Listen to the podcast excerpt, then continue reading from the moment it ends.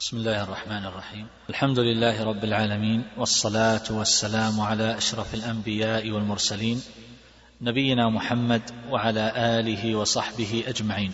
أما بعد فبقي علينا من هذه الموضوعات التي تتعلق بالأعمال القلبية أربعة. الأول الصبر والثاني الرضا والثالث الشكر والرابع الإنابة والتوبة. إلى الله تبارك وتعالى. وفي هذه الليلة سنبدأ الحديث عن الصبر وهو حديث ذو شجون وسأفصل فيه قضايا كثيرة لشدة الحاجة إليه. سنتحدث إن شاء الله عن حقيقته ومعناه وعن أسمائه وعن بعض الفروقات التي يحتاج إلى معرفتها وعن منزلته وعن فضله وعن بعض المفاضلات وعن وروده في الكتاب والسنة ونتكلم عن حكمه وشروطه ومجالاته ونبين أوانه وأنه لا يكفي وحده كما نذكر مراتبه وأنواعه وأقسام الناس فيه وحال الناس تجاه المصائب وما ينافيه وما لا ينافيه ونبين الطريق الموصلة إليه ثم نعرج بذكر العقبات التي تعترض طريقه ثم نذكر ثمراته ونختم كالعادة بذكر نماذج من مواقف السلف رضي الله تعالى عنهم في هذا الباب. فهذه إحدى وعشرون قضية سنتناولها بإذن الله تبارك وتعالى. أيها الأحبة نحن في أحوالنا كلها كما سنبين بإذن الله تبارك وتعالى بحاجة إلى الصبر. الله عز وجل يقول لقد خلقنا الإنسان في كبد فهو يكابد يخرج من بطن أمه باكيا يعاني آلام الولادة ثم بعد ذلك يخرج إلى هذه الدار بحرها وبردها وآلام العلل والأمراض التي تعتور الإنسان فيها وما يلم به من جوع وفقر وحاجات ومصائب يتقلب فيها صباح مساء. يكابد في كل شيء. يكابد في طلب لقمة العيش. يخرج من الصباح الباكر ويعاني في تطلبه. ويكابد لإقامة طاعة الله عز وجل. فهي بحاجة إلى مجاهدة كبيرة يجاهد فيها دواعي النفس إلى الإخلاد والكسل ويجاهد أيضا في التخلص من شهواته وأهوائه فلا يعصي الله تبارك وتعالى والإنسان أيضا بحاجة إلى مكابدة وصبر عظيم فيما يقع له من المصائب والآلام التي تنزل بعامة الناس أو تنزل به على وجه على وجه الخصوص. لربما خسر في تجارته ولربما أصابه أو أصاب أمه أو أباه أو ابنه أو قريبه مرض يعجز الأطباء عن علاجه. بل لربما سماع اسم المرض يكفي في بيان حجم المصيبة التي تنزل بأهل هذا البيت. لربما خرج سليما معافى وفي لحظات أصبح يتشحط في وسط الطريق بدمائه. تسير الأسرة بكاملها في غمرة الفرح والسرور والبهجة لنزهة أو صلة أو سياحة أو غير ذلك. وفي لحظات وإذا هم أشلاء قد تحولت حالهم إلى شيء وحال يرثي لهم فيها عدوهم قبل صديقهم في لحظات وينتهي كل شيء ولربما كان أحدهم ولربما كان طفلا صغيرا يتفرج على هذا المشهد يرى أشلاء أبيه وأمه وإخوته الذي كانوا يضاحكونه ويتحدثون معه كل هذا يحتاج إلى صبر ورباطة جأش ويحتاج إلى شيء من المكابدة من أجل حمل النفس على لون من الثبات فلا ينفرط صبره فيصير جازعا خارجا عن الواجب في حقه. لربما أساء إليه أقرب قريب لربما سمع كلاما يؤذيه لربما رميت المرأة في عرضها جورا وظلما ولربما سمع الرجل من امرأته كلاما يجرحه أو العكس ولربما واجه الإنسان عقوقا من ولده أو ظلما من والده ويتألم لذلك غاية الألم وهذا من البلاء الذي يحتاج معه إلى صبر. رأيت رجلا في الحج يضرب نفسه ويلقي بها على الأرض ويضرب رأسه ووجهه بقوة ويبكي كما تبكي الثكلى من النساء. ثم علمت بعد ذلك أنه جيء به من أجل تهدئته وأنه قد فقد أخا له في بلده وجاءه خبره ولا يدري كيف يتصرف وكيف يخبر أمه التي في صحبته بالحج فكان يضرب ويلطم نفسه ويلقي بها قويا بشدة على الأرض. لا يجدي معه الكلام وليس مهيئا للسماع أصلا وإنما هو في غمرة البكاء. هذه مصيبة. ورأيته بعد ذلك بحين وإذا هو في غاية الارتياح والاطمئنان لكن بعدما مضى أوان الصبر. لا ينفعه ذلك وإنما هذا سلو يصير إليه كل أحد حتى البهائم. قرأت قبل أيام في بعض المواقع في الإنترنت. ما كتبته امرأة لعل بعضكم قد اطلع على ذلك. كانت في هذه السفينة التي قد غرقت فأنجاها الله عز وجل. تقول ركبنا والناس في غاية السرور وغمرة الفرح. كنت ألح على زوجي أن نذهب للسياحة وقد تزوجت منذ نحو أربعة أشهر وكان يكره السفر خارج البلاد ولكنه رضخ تحت الإلحاح. فقررنا أن نأخذ السيارة من أجل أن نتجول فيها. فركبنا هذه العبارة ولم نجد مكانا سوى السطح وكان الجو في غاية الاعتدال والمسافة قصيرة والناس في لهو ومرح منهم من ذهب إلى السينما ومنهم من يذهب ويجيء ويأكل ويتقلب ومنهم من يتحدث ثم بعد ذلك بدأنا نجد رائحة للحريق. ثم ما لبثت هذه الرائحة تزداد حتى رأينا الناس يخرجون من أسفلها إلى أعلاها يقولون بأنهم قد تأذوا مما يجدون من دخان الحريق. تقول بعد ذلك بدأنا نلاحظ الارتباك على الطاقم الذي يدير هذه السفينة. ثم ذهب الناس يبحثون عن شيء مما يلبسونه لئلا يغرقوا فلم يجدوا شيئا. حتى جاء رجل وصار يلقي على الناس هذه الأشياء وهم يتلقفونها منها ما هو صالح ومنها ما هو فاسد. ثم بعد ذلك كثر الناس جدا وبقي النساء في الصالات في الأسفل والأطفال لم يجدوا مكانا. ثم بدأنا نسمع الصريخ. وصارت أرضها تحرقنا من شدة حرارتها ثم جاء من يقول ألقوا بأنفسكم في البحر قبل أن تغرقوا معها. تقول فتهاوينا في البحر كل يلقي بنفسه بعد أن ربطت هذا الذي يلبس على صدر الإنسان على زوجي وهو لا يحسن السباحة ودموعه تتهامل على خده وهو يقول لا تخافي. تقول ألقينا بأنفسنا والناس يلقون بأنفسهم من فوقنا كل يلقي بنفسه على الآخر. تقول لما انغمرنا في الماء خرجت وارتفعت ولم أجد زوجي ورأيت هذه الملبوسات التي يطفح معها الإنسان ملقاة هنا وهناك. ثم بعد ذلك بدأت أسبح في كل اتجاه بعيدا عن السفينة حتى وجدت زورقا مهترئا فيه ثلاثة التمست منهم أن يحملوني فأبوا فلما كررت ذلك عليهم قالوا الله ينجينا وليس هذا القارب. فأركبوني معهم والماء يدخل من كل ناحية والرجال قد امتلأوا بالاستفراغ يستفرغ بعضهم على بعض ووجوههم وملابسهم فيها الدماء. ثم بعد ذلك بدأت أغرف هذا الماء الذي ينهال علينا وألقيه في الخارج.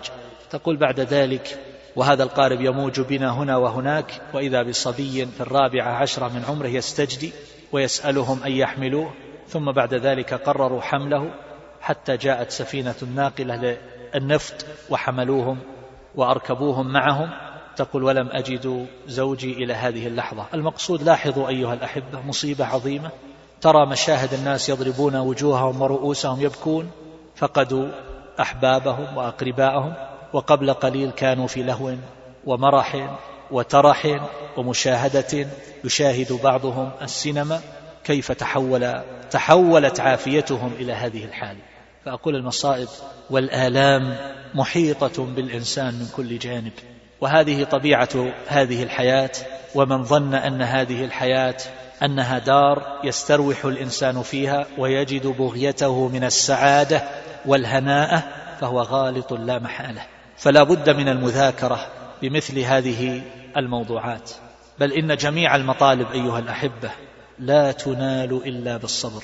المطالب العالية من تحقيق إنجازات علمية أو من تحقيق تجارة وربح أو من أجل أن ينجح الإنسان في عمله أو من أجل أن يربي ولده أو أن يعمر دارا أو غير ذلك كل هذا بحاجة إلى ترويض للنفس على الصبر. فإن صعود القمم لا بد له من مصابرة ومن بذل جهود كبيرة جبارة. وعلى قدر ما عنده من الصبر بعد توفيق الله عز وجل يصل بإذن الله تبارك وتعالى.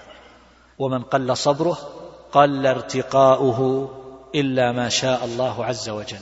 فنحن أيها الأحبة بحاجة إلى هذا التذكير وإلى طرح مثل هذا الموضوع وتذكير النفوس بهذه القضايا التي يحتاج إليها حينما ينزل المكروه وحينما تنزع النفس إلى معالي الأمور. الصبر أيها الأحبة خلق فاضل من أخلاق النفس يمنع صاحبه من فعل ما لا يحسن ولا يجمل هو قوة من قوى النفس التي بها صلاح شأنها وقوام أمرها. وهذه القوة تمكن الإنسان من ضبط نفسه ليتحمل المشاق والمتاعب والآلام. هذه القوة وهذه الخاصية كما يقول الحافظ ابن القيم رحمه الله هي خاصية الإنسان.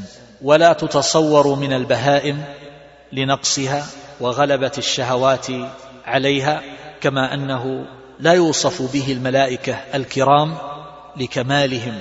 وما جبلهم وفطرهم الله عز وجل عليه من الكمالات. لا يعصون الله ما أمرهم ويفعلون ما يؤمرون. أما الإنسان فإنه يخرج من بطن أمه ناقصا في أول أمره كالبهيمة. والله أخرجكم من بطون أمهاتكم لا تعلمون شيئا. لم يخلق فيه سوى شهوة واحدة فيما نعلم هي شهوة الغذاء الذي يفتقر إليه لبقائه في الحياة. ثم ما يلبث أن تظهر فيه شهوة أخرى وهي شهوة اللعب والزينة. ثم بعد ذلك يحصل له شهوة النكاح فإذا تحرك العقل وقوي ظهرت عليه إشراقات أنوار الهداية عند سن التمييز وينمو على التدرج إلى سن البلوغ إلا أن طبعه يحمله على ما يحب وباعث الشرع والعقل يمنعه من ذلك والحرب بينهما قائمة. وهو بحسب ما غلب عليه فهو في معركة وصراع مرير تارة يغلب عليه هذا وتارة يغلب عليه هذا والميدان هو أشرف عضو فيه وهو القلب. هو ميدان المعركة. ومدد باعث الدين الذي يبعثه إلى المعروف والخير هم الملائكة. وما يحصل في قلبه من لمة الملك وتثبيت الله عز وجل ومدد باعث الشهوة هم الشياطين من شياطين الإنس والجن مما يلقون في القلوب مما يؤجج الشهوات ومما يعرضون في واقع الناس من صور فاتنة بشتى ألوان العرض التي يوصلونها إليهم فيفتنونهم عن دينهم وعن صراط الله المستقيم. والصبر عبارة عن ثبات باعث الدين في مقابلة باعث الشهوات. فهذه الخاصية وهذا الصراع لا يوجد إلا عند الإنسان. بعد هذه التوطئة نبدأ بالجانب الأول من موضوعنا وهو ما يتعلق بحقيقة الصبر. الصبر في كلام العرب أصله مأخوذ من الحبس والمنع فهو حبس حبس النفس عن الجزع واللسان عن التشكي والجوارح عن لطم الخدود وشق الثياب ونحو ذلك بل هو حبس النفس عن الخروج عن مراد الإنسان إلى ما تهواه نفسه من الدعة والمتاركة والراحة كما سنبين بعد قليل إن شاء الله. وبعضهم يقول إن أصل هذه الكلمة له تعلق بالشدة والقوة وهذا أمر لا ينكر ومنه الصبر يقال للدواء أو النبات المعروف لشدة مرارته وكراهته. ولهذا كما قال الأصمعي رحمه الله إذا لقي الرجل الشدة بكمالها قيل لقيها بأصبارها. وبعضهم يقول إنه مأخوذ من الجمع والضم فالصابر يجمع نفسه ويضمها عن الهلع والجزع ومنه صبرة الطعام. والأقرب الله تعالى أعلم أن هذه المعاني جميعا متحققة في الصبر فهو حبس للنفس وفطام لها عن مشتهياتها ودواعيها التي تدعوها إلى الميل مع الشهوات والملذات والراحة والكسل والخلود إلى الأرض.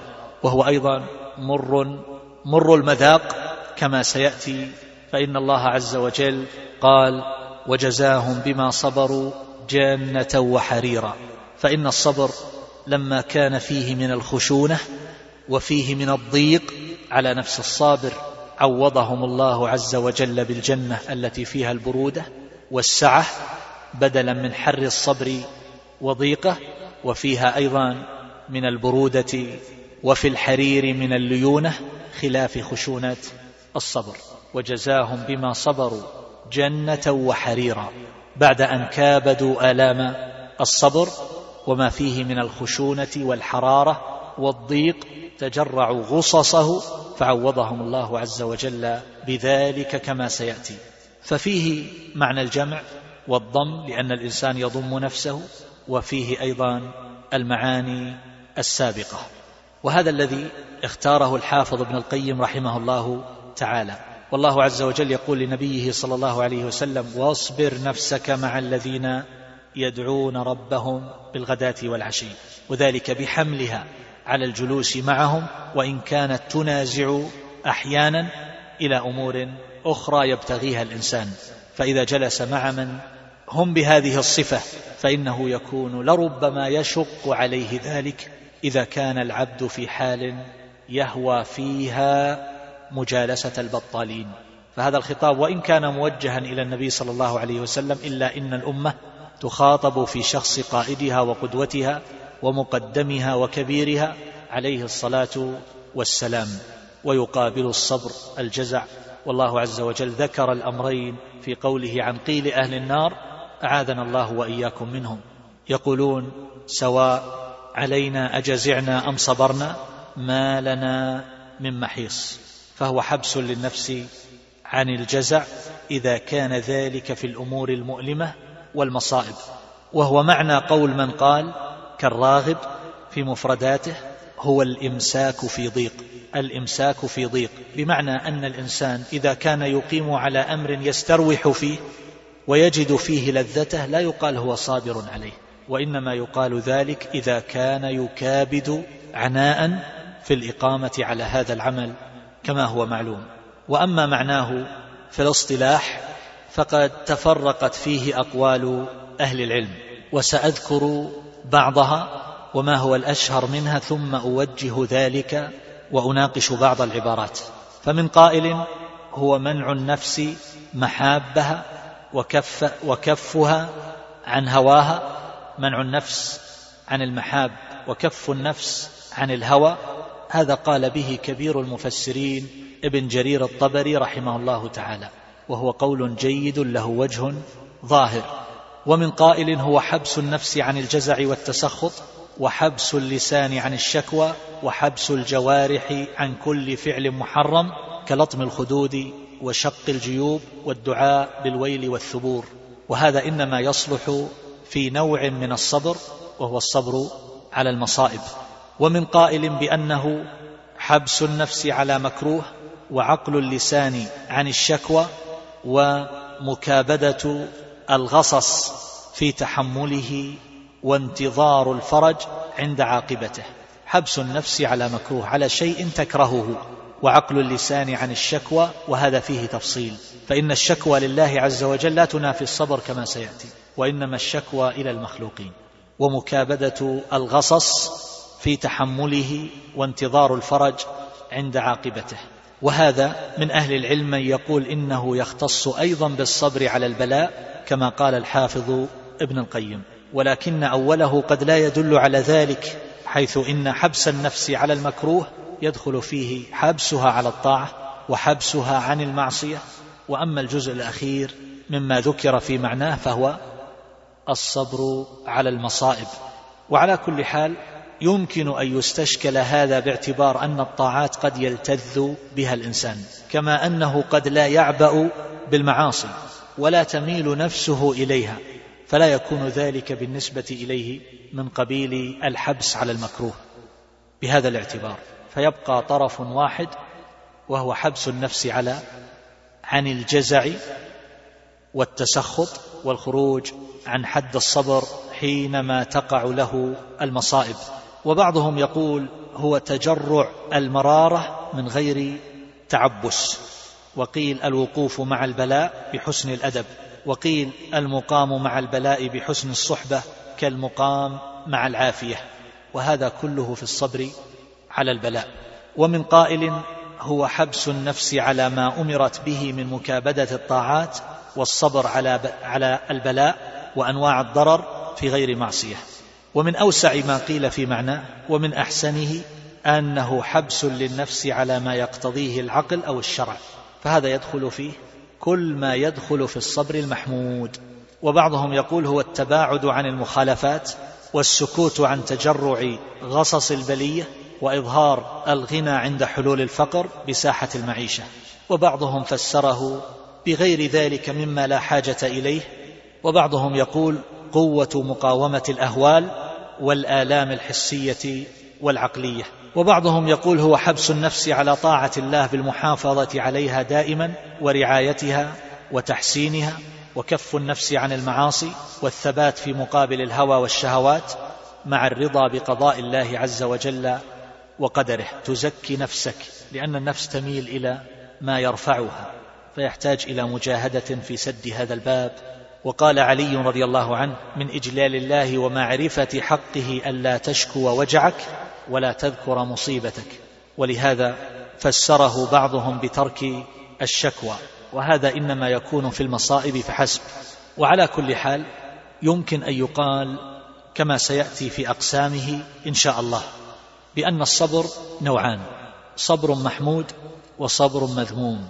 ويجمع هذين النوعين أنه حبس النفس على مراد صاحبها ومبتغاه وإن خالف ما تطمح إليه نفسه وتميل إليه من الهوى والدعة والسكون إلى الراحة. يدخل في هذا الصبر المحمود والصبر المذموم.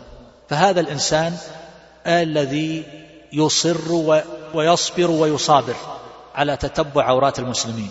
ولربما يتنقل من موقع إلى موقع في الإنترنت أو في القنوات ويقضي الساعات الطويلة ويجهد ويتعب أو يقف على باب سوق أو في داخل سوق ذهابا وايابا يتعب قدميه ونظره وبدنه وهو صابر في غاية الصبر لعله يجد شيئا مما يحقق به نزوته وشهوته.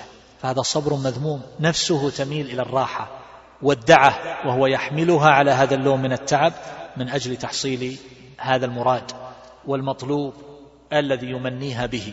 وهذا الإنسان الذي يكتب في الصحف كتابات سيئة ويتواصى مع أصحابه ويرد على الخيرين في كتاباتهم ولا يفتع يشكك في قضايا الدين والاعتقاد ويطعن في الإسلام بكل مستطاع يسهر ليله ويتعب في نهاره من أجل تحقيق هذا المعنى وهو على باطل ويأتيه من لوم الناس ولربما جاءه من الاتصالات والمراسلات بطرق شتى ومن التعنيف ألوان وألوان وهو صابر ثابت.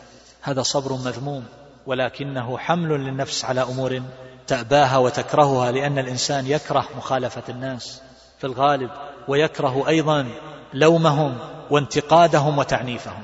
فيصبر ولا يبالي بهم مع أنه على الباطل. وهكذا إذا كان الإنسان يعمل في أمور مباحة فهو يجد ويجتهد في البحث عن أسباب الربح مثلا أو في النجاح في دراسة أو في بناء مشروع دنيوي مباح أو حينما يقف أمام شاشات الأسهم أوقاتا طويلة لربما لا يأكل معها ولا يشرب.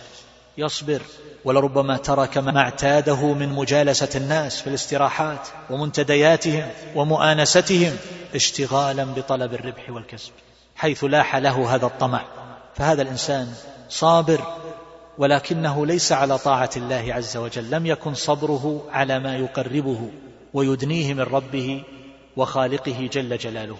فيبقى وبهذا نعلم أن الصبر لا يختص بالصبر على طاعة الله أو بالصبر عن معصيته أو بالصبر على أقداره المؤلمة بل يدخل فيه الصبر على تحصيل المطالب المباحة ويدخل فيه أيضا الصبر المذموم وهو الصبر على معصية الله عز وجل.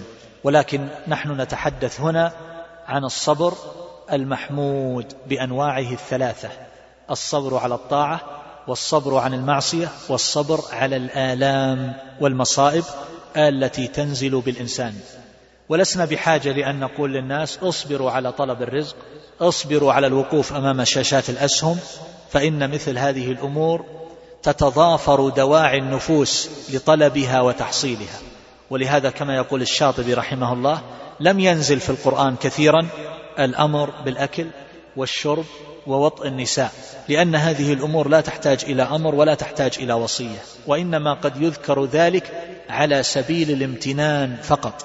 بخلاف الأمور الشاقة فالله كثيرا ما يأمر بالصلاة في عشرات المواضع ويأمر بالزكاة والإنفاق ويأمر بالصبر لمرارة مذاقه وطعمه ويأمر بالجهاد ومقارعة الأعداء ومجاهدة النفوس والحذر من الشيطان لأن هذه الأمور تشق على الإنسان يشق عليه مفارقتها والتباعد منها.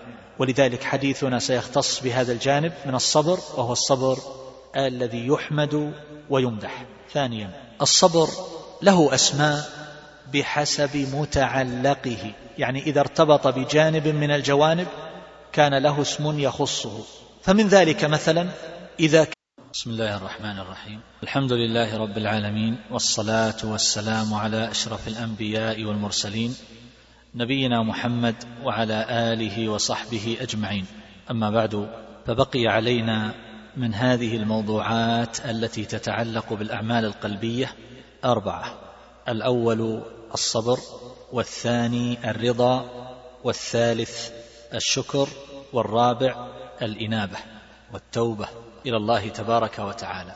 وفي هذه الليلة سنبدأ الحديث عن الصبر وهو حديث ذو شجون وسأفصل فيه قضايا كثيرة لشدة الحاجة إليه. سنتحدث إن شاء الله عن حقيقته ومعناه وعن أسمائه وعن بعض الفروقات التي يحتاج إلى معرفتها وعن منزلته وعن فضله وعن بعض المفاضلات وعن وروده في الكتاب والسنة ونتكلم عن حكمه وشروطه ومجالاته ونبين أوانه وأنه لا يكفي وحده كما نذكر مراتبه وأنواعه وأقسام الناس فيه وحال الناس تجاه المصائب وما ينافيه وما لا ينافيه ونبين الطريق الموصلة إليه ثم نعرج بذكر العقبات التي تعترض طريقه ثم نذكر ثمراته ونختم كالعادة بذكر نماذج من مواقف السلف رضي الله تعالى عنهم في هذا الباب. فهذه إحدى وعشرون قضية سنتناولها بإذن الله تبارك وتعالى. أيها الأحبة نحن في أحوالنا كلها كما سنبين بإذن الله تبارك وتعالى بحاجة إلى الصبر.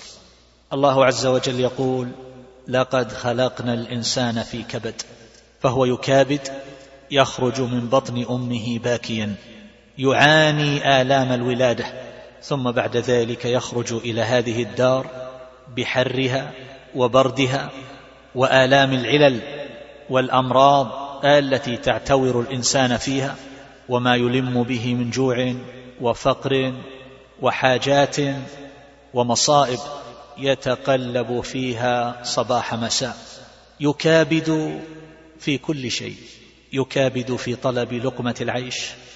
يخرج من الصباح الباكر ويعاني في تطلبه. ويكابد لإقامة طاعة الله عز وجل.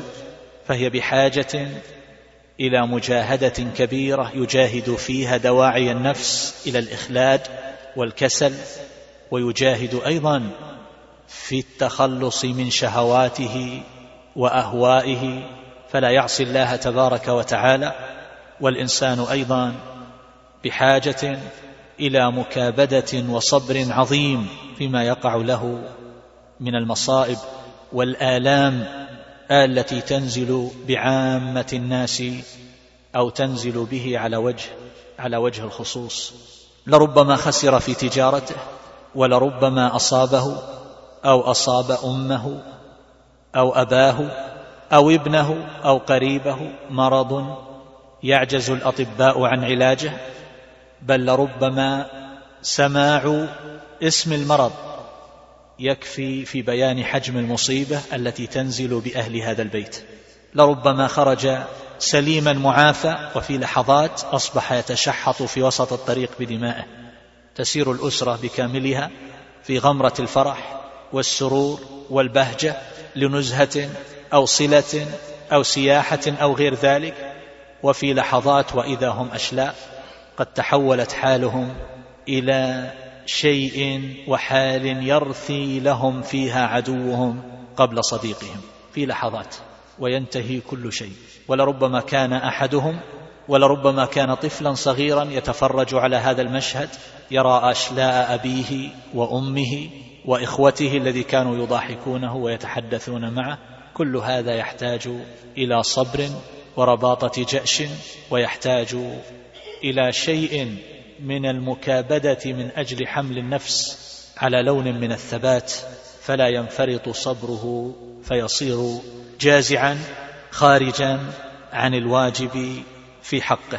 لربما أساء إليه أقرب قريب لربما سمع كلاما يؤذيه لربما رميت المرأة في عرضها جورا وظلما ولربما سمع الرجل من امرأته كلاما يجرحه أو العكس ولربما واجه الإنسان عقوقا من ولده أو ظلما من والده ويتألم لذلك غاية الألم وهذا من البلاء الذي يحتاج معه إلى صبر. رأيت رجلا في الحج يضرب نفسه ويلقي بها على الأرض ويضرب رأسه ووجهه بقوة ويبكي كما تبكي الثكلى من النساء. ثم علمت بعد ذلك أنه جيء به من أجل تهدئته وأنه قد فقد أخا له في بلده وجاءه خبره ولا يدري كيف يتصرف وكيف يخبر أمه التي في صحبته بالحج فكان يضرب ويلطم نفسه ويلقي بها قويا بشدة على الأرض. لا يجدي معه الكلام وليس مهيئا للسماع أصلا وإنما هو في غمرة البكاء. هذه مصيبة. ورأيته بعد ذلك بحين وإذا هو في غاية الارتياح والاطمئنان لكن بعدما مضى أوان الصبر. لا ينفعه ذلك وإنما هذا سلو يصير إليه كل أحد حتى البهائم. قرأت قبل أيام في بعض المواقع في الإنترنت. ما كتبته امرأة لعل بعضكم قد اطلع على ذلك. كانت في هذه السفينة التي قد غرقت فأنجاها الله عز وجل. تقول ركبنا والناس في غاية السرور وغمرة الفرح. كنت ألح على زوجي أن نذهب للسياحة وقد تزوجت منذ نحو أربعة أشهر وكان يكره السفر خارج البلاد ولكنه رضخ تحت الإلحاح. فقررنا أن نأخذ السيارة من أجل أن نتجول فيها. فركبنا هذه العبارة ولم نجد مكانا سوى السطح وكان الجو في غاية الاعتدال والمسافة قصيرة والناس في لهو ومرح منهم من ذهب إلى السينما ومنهم من يذهب ويجيء ويأكل ويتقلب ومنهم من يتحدث ثم بعد ذلك بدأنا نجد رائحة للحريق. ثم ما لبثت هذه الرائحة تزداد حتى رأينا الناس يخرجون من أسفلها إلى أعلاها يقولون بأنهم قد تأذوا مما يجدون من دخان الحريق. تقول بعد ذلك بدأنا نلاحظ الارتباك على الطاقم الذي يدير هذه السفينة. ثم ذهب الناس يبحثون عن شيء مما يلبسونه لئلا يغرقوا فلم يجدوا شيئا. حتى جاء رجل وصار يلقي على الناس هذه الأشياء وهم يتلقفونها منها ما هو صالح ومنها ما هو فاسد. ثم بعد ذلك كثر الناس جدا وبقي النساء في الصالات في الأسفل والأطفال لم يجدوا مكانا. ثم بدأنا نسمع الصريخ.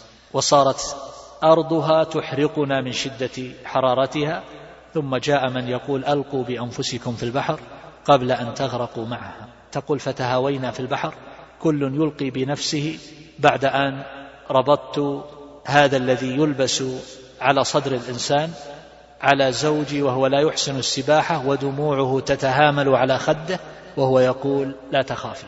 تقول ألقينا بأنفسنا والناس يلقون بأنفسهم من فوقنا كل يلقي بنفسه على الآخر. تقول لما انغمرنا في الماء خرجت وارتفعت ولم أجد زوجي ورأيت هذه الملبوسات التي يطفح معها الإنسان ملقاة هنا وهناك. ثم بعد ذلك بدأت أسبح في كل اتجاه بعيدا عن السفينة حتى وجدت زورقا مهترئا فيه ثلاثة التمست منهم أن يحملوني فأبوا فلما كررت ذلك عليهم قالوا الله ينجينا وليس هذا القارب. فأركبوني معهم والماء يدخل من كل ناحية والرجال قد امتلأوا بالاستفراغ يستفرغ بعضهم على بعض ووجوههم وملابسهم فيها الدماء. ثم بعد ذلك بدأت أغرف هذا الماء الذي ينهال علينا وألقيه في الخارج. تقول بعد ذلك وهذا القارب يموج بنا هنا وهناك وإذا بصبي في الرابعة عشرة من عمره يستجدي ويسألهم أن يحملوه ثم بعد ذلك قرروا حمله حتى جاءت سفينة ناقلة للنفط وحملوهم وأركبوهم معهم. تقول ولم أجد زوجي إلى هذه اللحظة. المقصود لاحظوا أيها الأحبة مصيبة عظيمة. ترى مشاهد الناس يضربون وجوههم ورؤوسهم يبكون فقدوا أحبابهم وأقرباءهم. وقبل قليل كانوا في لهو ومرح وترح ومشاهدة يشاهد بعضهم السينما كيف تحول تحولت عافيتهم إلى هذه الحال. فأقول المصائب والآلام محيطة بالإنسان من كل جانب.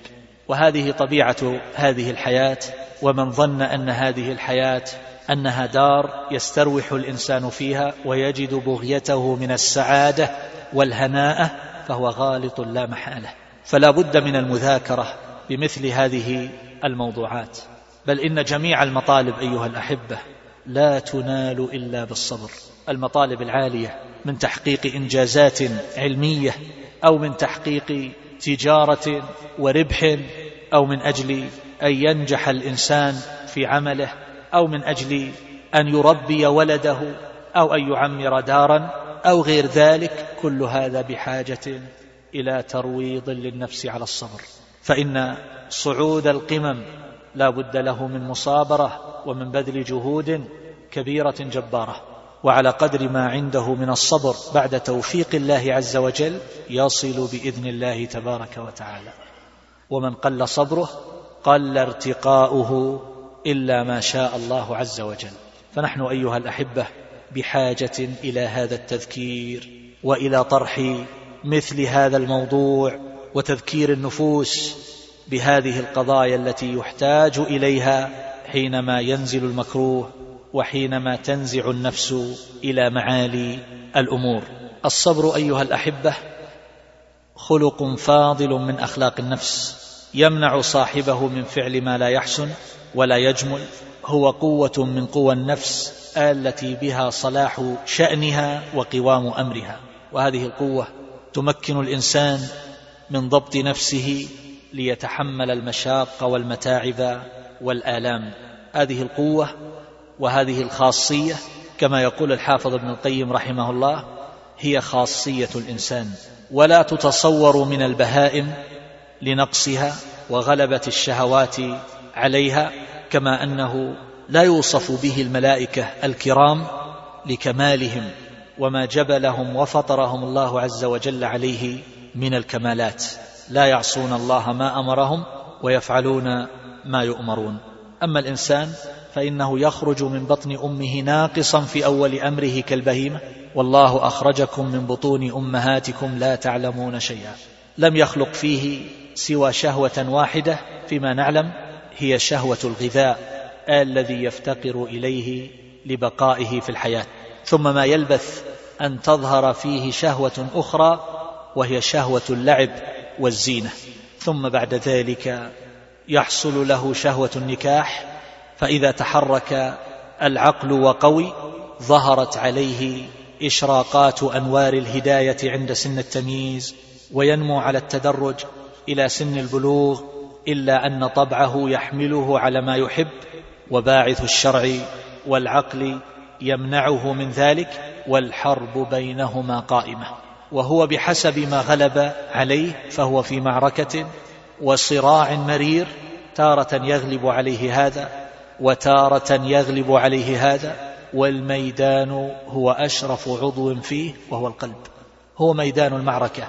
ومدد باعث الدين الذي يبعثه إلى المعروف والخير هم الملائكة. وما يحصل في قلبه من لمة الملك وتثبيت الله عز وجل ومدد باعث الشهوة هم الشياطين من شياطين الإنس والجن مما يلقون في القلوب مما يؤجج الشهوات ومما يعرضون في واقع الناس من صور فاتنة بشتى ألوان العرض التي يوصلونها إليهم فيفتنونهم عن دينهم وعن صراط الله المستقيم. والصبر عبارة عن ثبات باعث الدين في مقابلة باعث الشهوات. فهذه الخاصية وهذا الصراع لا يوجد إلا عند الإنسان.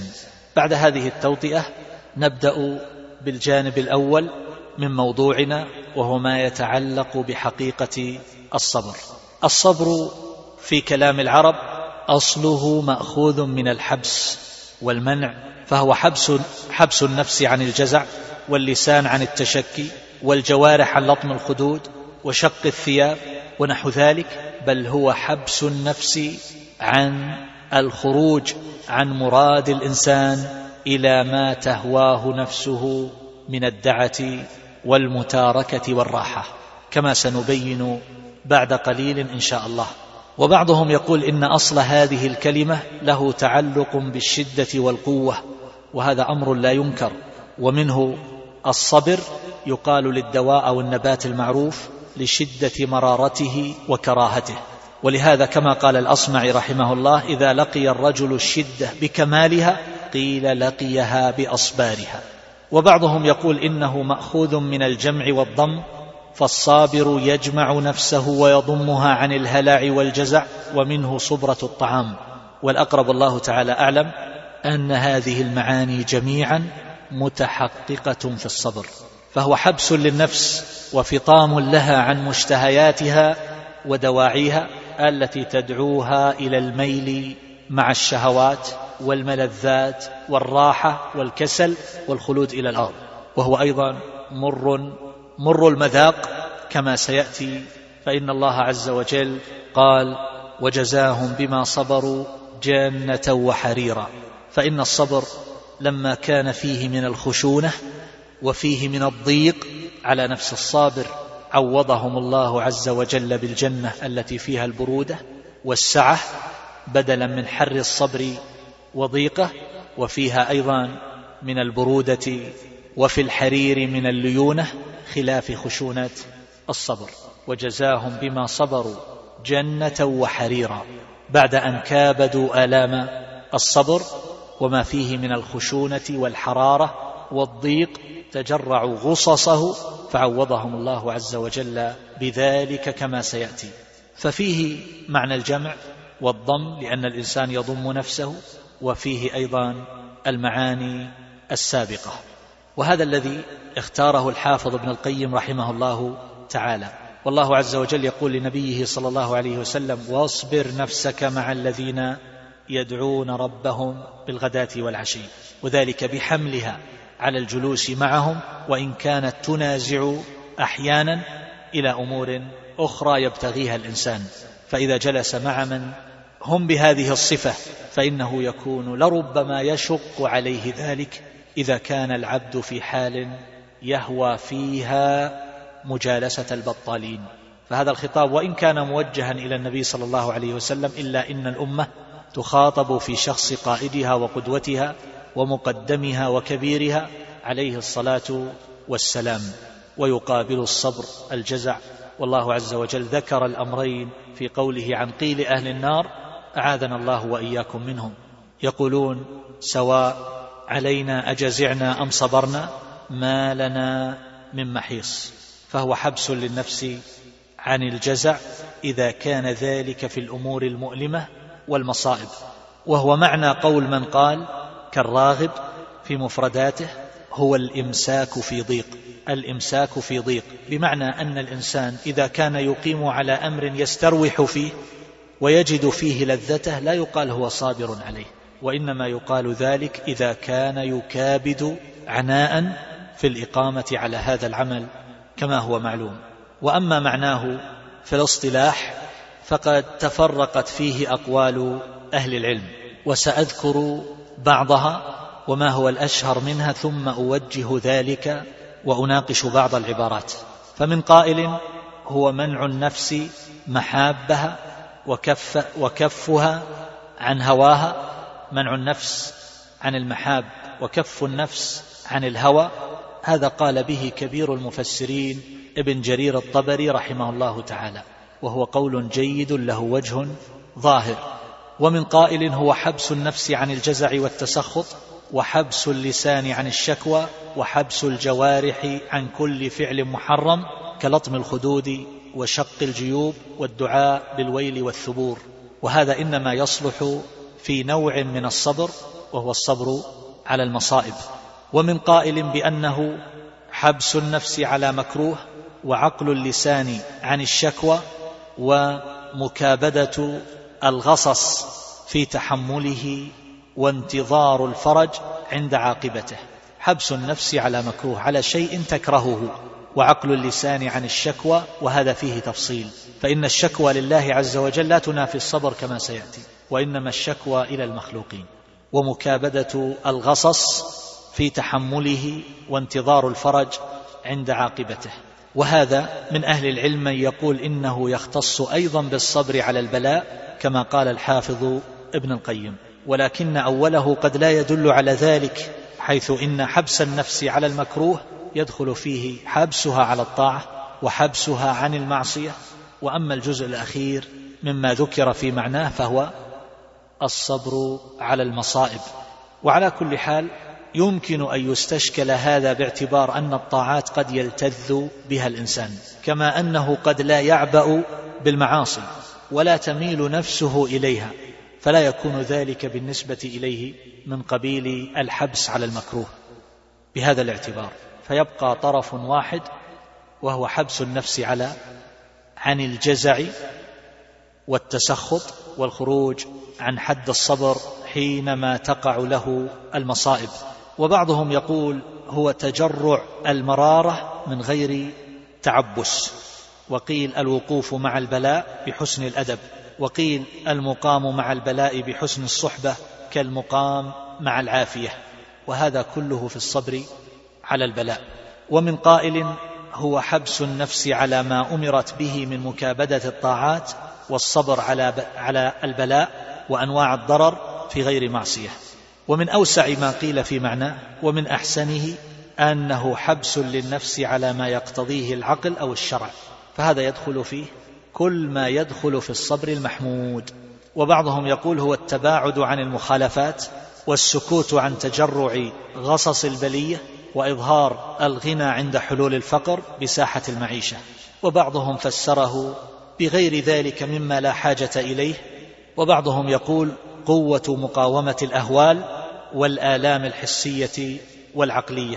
وبعضهم يقول هو حبس النفس على طاعة الله بالمحافظة عليها دائما ورعايتها وتحسينها وكف النفس عن المعاصي والثبات في مقابل الهوى والشهوات مع الرضا بقضاء الله عز وجل وقدره. تزكي نفسك لأن النفس تميل إلى ما يرفعها فيحتاج إلى مجاهدة في سد هذا الباب وقال علي رضي الله عنه من إجلال الله ومعرفة حقه الا تشكو وجعك ولا تذكر مصيبتك.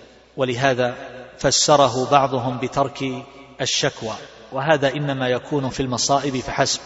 وعلى كل حال يمكن أن يقال كما سيأتي في أقسامه إن شاء الله بأن الصبر نوعان صبر محمود وصبر مذموم.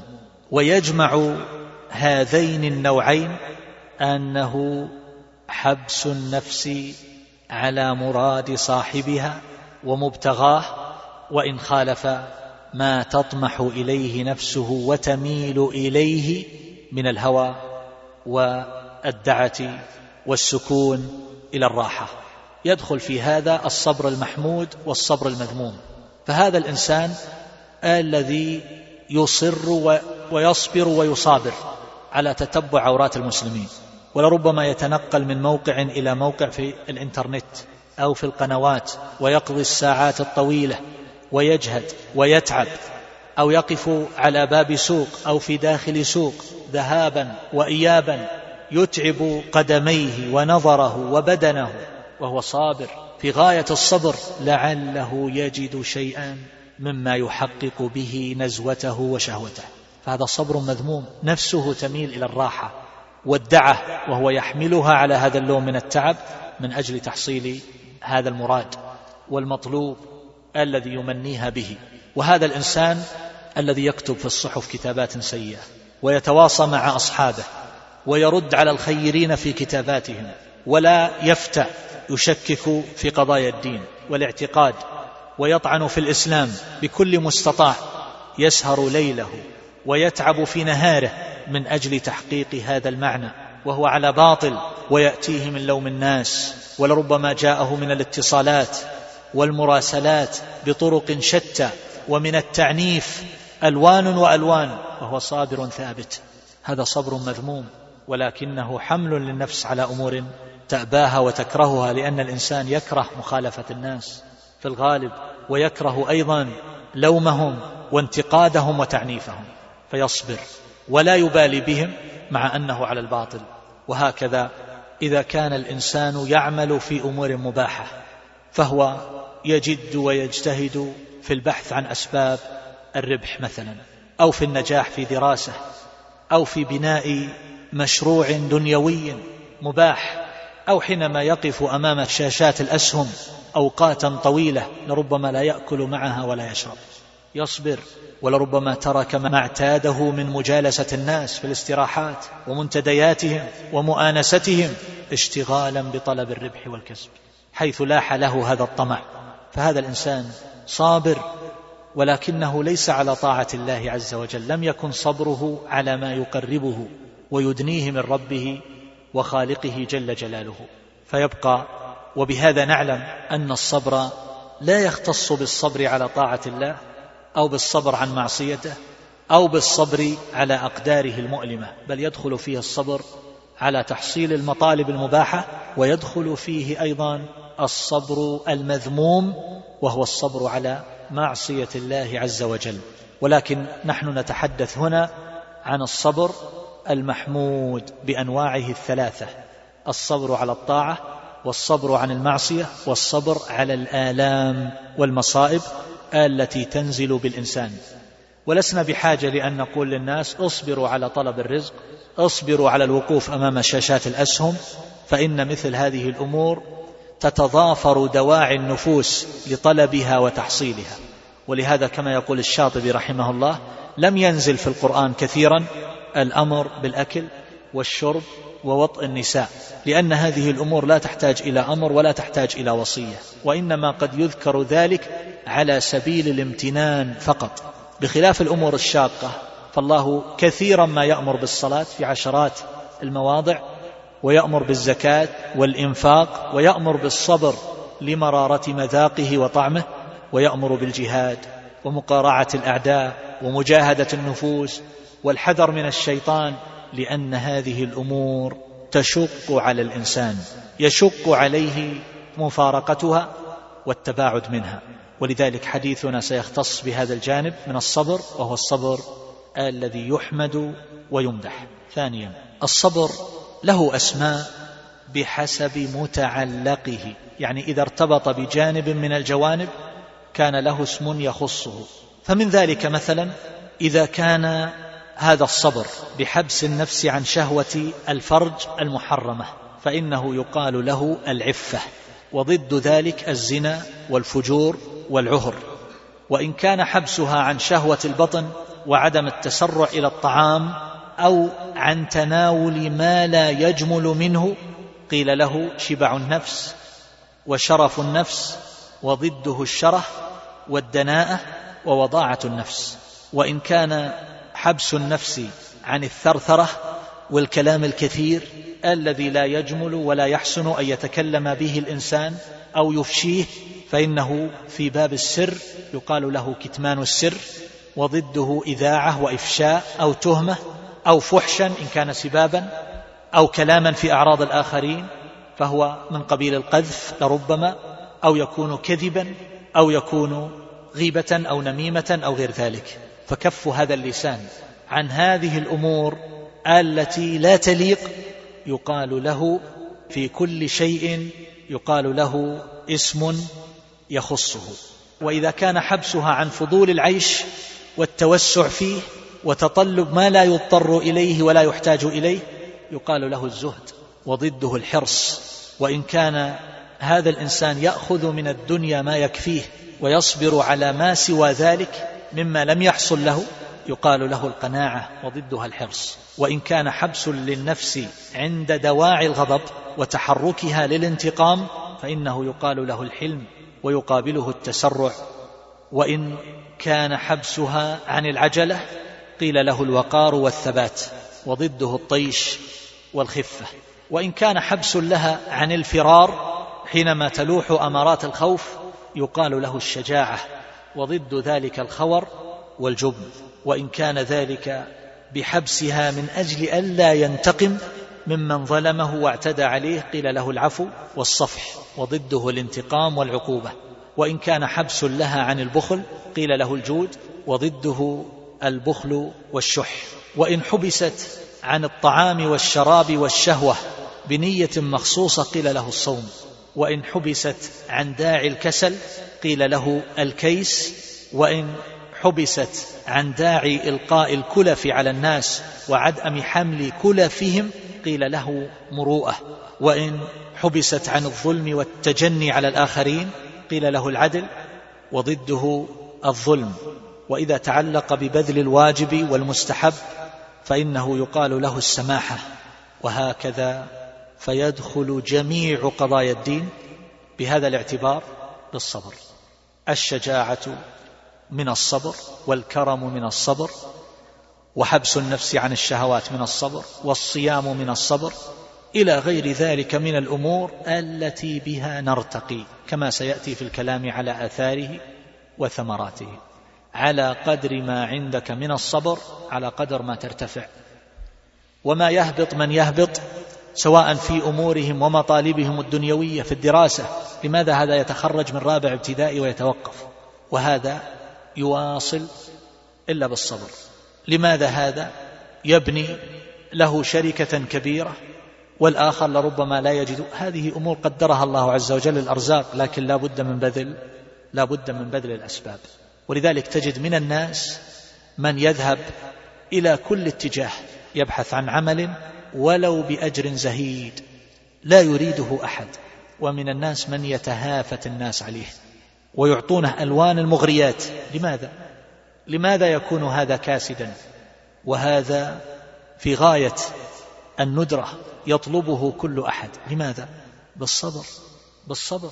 هذا يصبر ويحمل نفسه على الجد ويكتسب ألوان الخبرات والمهارات ويخرج مبكرا كبكور الغراب. وأما الآخر فينام إلى الساعة العاشرة أو الحادية عشرة أو إلى الظهر. ولا يرفع رأسا لعظيمه. فمثل هذا لا يريده أحد. يذهب هنا وهناك وملفه في كل مؤسسة والكل يرفضه. وإذا أحرج أحد بقبوله فإنما هي أشهر ثم يتلطفون بالاعتذار منه. وحتى لو صبروا عليه فإنه سيترك ذلك ولو بعد حين. لأنه لا يصبر لا يصبر. وهكذا أيها الأحبة. في كل أمر من الأمور كما سمعتم في هذه الأسماء كما سمعتم في هذه الأسماء. ثالثا في ذكر بعض الفروقات. الله عز وجل أمرنا بالصبر اصبروا وأمرنا بالمصابرة وصابروا وأيضا أمرنا بالمرابطة. ومما يقال في هذا أيضا الاصطبار اصطبر عليها. وكذلك أيضا التصبر. من يتصبر يصبره الله. فما الفرق بين هذه الألفاظ؟ هذه تتفاوت بحسب حال العبد. بحسب حال العبد في نفسه وبحسب حاله مع غيره. فإن حبس نفسه ومنعها عن إجابة داعي ما لا يحسن إن كان ذلك خلقا وسجية راسخة ثابتة له قيل له الصبر. كل ما واجهه من الأمور الشاقة ثبت. فهذا صبر. وإن كان بتكلف إنما العلم بالتعلم وإنما الحلم بالتحلم. يتكلف الحلم لكنه ليس بسجية وصفة راسخة له. فرق بين الحليم ومن يتكلف الحلم. فهذا الإنسان إذا كان يتكلف الصبر قيل له متصبر. متصبر. ومن يتصبر؟ يصبره الله. ولهذا سنذكر إن شاء الله في الطريق إليه أنه أمر مكتسب. يمكن للإنسان أن يمر نفسه على الصبر حتى يكون صابرا بعد ذلك بإذن الله عز وجل. وقد قال بعضهم في هذا المعنى الصبر ألا تفرق بين حال النعمة وحال المحنة مع سكون الخاطر فيهما. معنى ذلك أنه أن النفس صارت في غاية الطمأنينة والثبات على هذه الصفة استقرت على ذلك والتصبر السكون مع البلاء مع وجدان أثقال المحنة. يجد الآلام والغصص ولكنه في مكابدة وصراع مع النفس. وبناء على ذلك فالصبر أرفع أرفع من التصبر. أما الاصطبار فهو أبلغ من التصبر. أبلغ من التصبر مثل ما نقول الاكتساب. فالتصبر هو مبدأ للاصطبار. كما أن التكسب مطلب للكسب فإذا تكسب الإنسان صار كاسبا مكتسبا. وإذا تصبر الإنسان صار صار مصطبرا صار مصطبرا. وأما المصابرة فتكون بين طرفين فأكثر. تكون في مقاومة الخصوم في ميدان الصبر فهي مفاعلة كالمشاتمة والمضاربة. يا أيها الذين آمنوا اصبروا وصابروا ورابطوا واتقوا الله لعلكم تفلحون. أي من أجل أن تفلحوا. فأمرهم بالصبر وهو حال الصابر في نفسه. الصفة الراسخة المستقرة فيه والمصابرة وهي حالة في الصبر مع الخصم والمرابطة وهي الثبات واللزوم والإقامة على الصبر والمصابرة. فقد يصبر العبد ولا يصابر إذا كان فيه أطراف آخرين. وقد يصابر ولا يرابط ينقطع نفسه. وقد يصبر ويصابر ويرابط من غير تعبد بالتقوى لله عز وجل فلا يكون مأجورا ولا ممدوحا بهذا الاعتبار. فالله تبارك وتعالى أخبر هنا أن ملاك ذلك جميعا بالتقوى واتقوا الله اتقوه في صبركم ومصابرتكم ومرابطتكم فيكون ذلك كله في سبيل الله عز وجل لا في سبيل النفس والهوى والشيطان. فيصبر الإنسان من أجل أن يقال متجلد من أجل أن لا يشمت به خصمه من أجل أن يقال شجاع من أجل أن يقال بأنه ثابت رابط الجأش أو يصبر من أجل أن يحصل الدنايا والأمور التي بها يخزى في الدنيا والآخرة من المعاصي والشهوات وما إلى ذلك. فالمرابطة كما يقول الحافظ ابن القيم كما أنها لزوم الثغر الذي يخاف هجوم العدو منه في الظاهر فهي لزوم ثغر القلب لئلا يدخل منه الهوى والشيطان فيزيله عن مملكته. وبهذا يكون الانتقال في الآية من الأدنى إلى إلى الأعلى. اصبروا وصابروا. اصبر في نفسك وصابر عدوك ورابط أي يثبت على هذا. ويكون ذلك جميعا مزموما بالتقوى لله عز وجل. فصبره في الله ولله. من الفروقات وهو الثاني الفرق بين صبر اللئام وصبر الكرام. كل إنسان لا بد له من أن يصبر ولو في النهاية إما اختيارا وإما اضطرارا. فالكريم يصبر اختيارا لعلمه بحسن عاقبة الصبر وأنه من الأمور المحمودة التي يحبها الله عز وجل وأن الجزع أمر مذموم وأنه إن لم يصبر لم يرد الجزع عليه فائتا ولا مطلوبا ولم يرفع عنه مكروها. هذا العاقل الذي ينظر بقلبه قبل أن ينظر بعينه إلى المصيبة التي التي يشاهدها.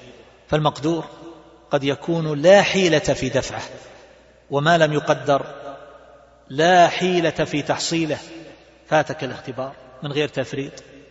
فاتك أمر مهم من غير تفريط. ما عليك إلا أن تصبر. ما عليك إلا أن تصبر.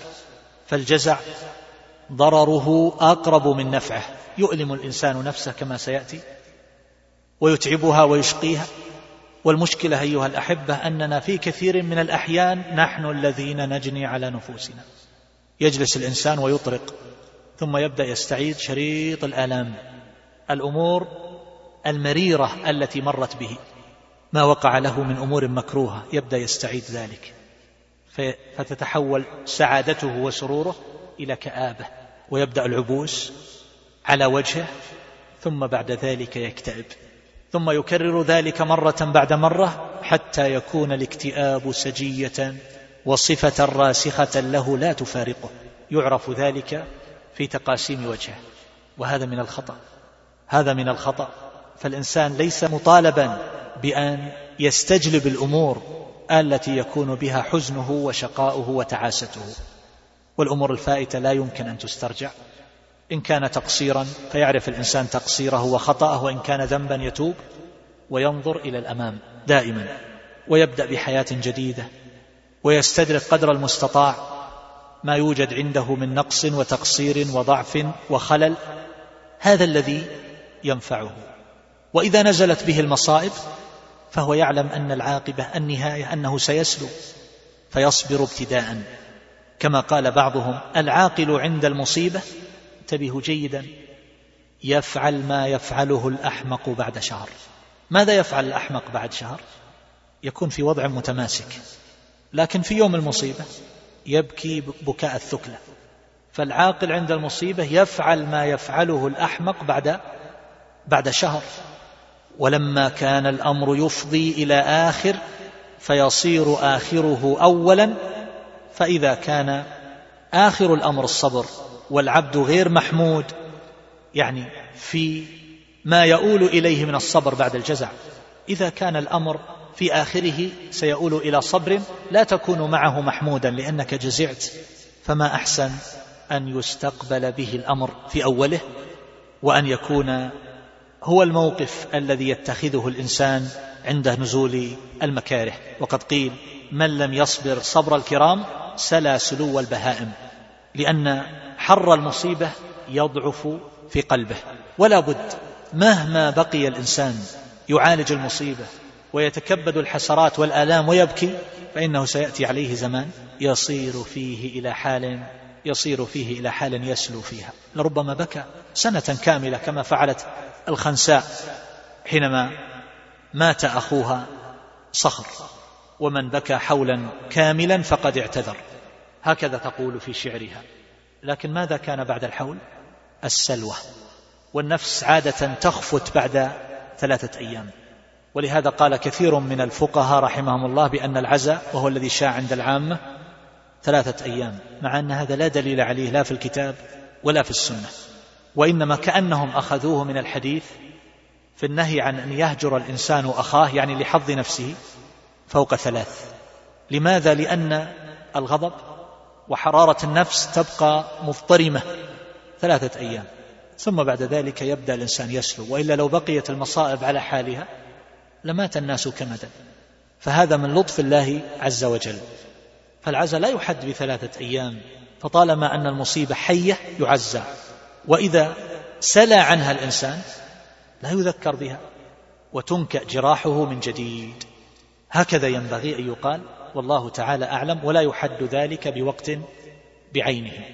فالمقصود أيها الأحبة أن الإنسان نهايته أنه يسلو فينبغي أن يكون ذلك على لون من صبر الكرام أن يكون ثباته ورباطة الجأش والحزم في أول الأمر.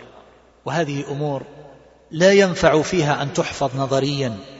قد يكون الرجل عالما ولكنها إذا جاءت المصيبة تحول إلى شيء آخر. وقد يكون الرجل من العوام وإذا نزلت المصيبة فهو في غاية الثبات. وأذكر لكم مثلين على هذا أعرفهما عن قرب. الأول حال رجل من العلماء غرق ابن له في البحر وهو يشاهده. فرجع الرجل لا ينتفع به في شيء. وهجر جميع الذين لم يأتوا لتعزيته لأنه قد جاء بعدما حل به هذا المصاب بنحو من شهرين. فكره هؤلاء أن يعزوه وأن ينكأوا جراحه. فهجرهم جميعا. يمر ولا يسلم عليهم. رجل قد جاوز السبعين. عالم عالم. من نوادر أهل العصر من جهة سعة الاطلاع. رجل عجيب. هجرهم جميعا يمر ولا يسلم.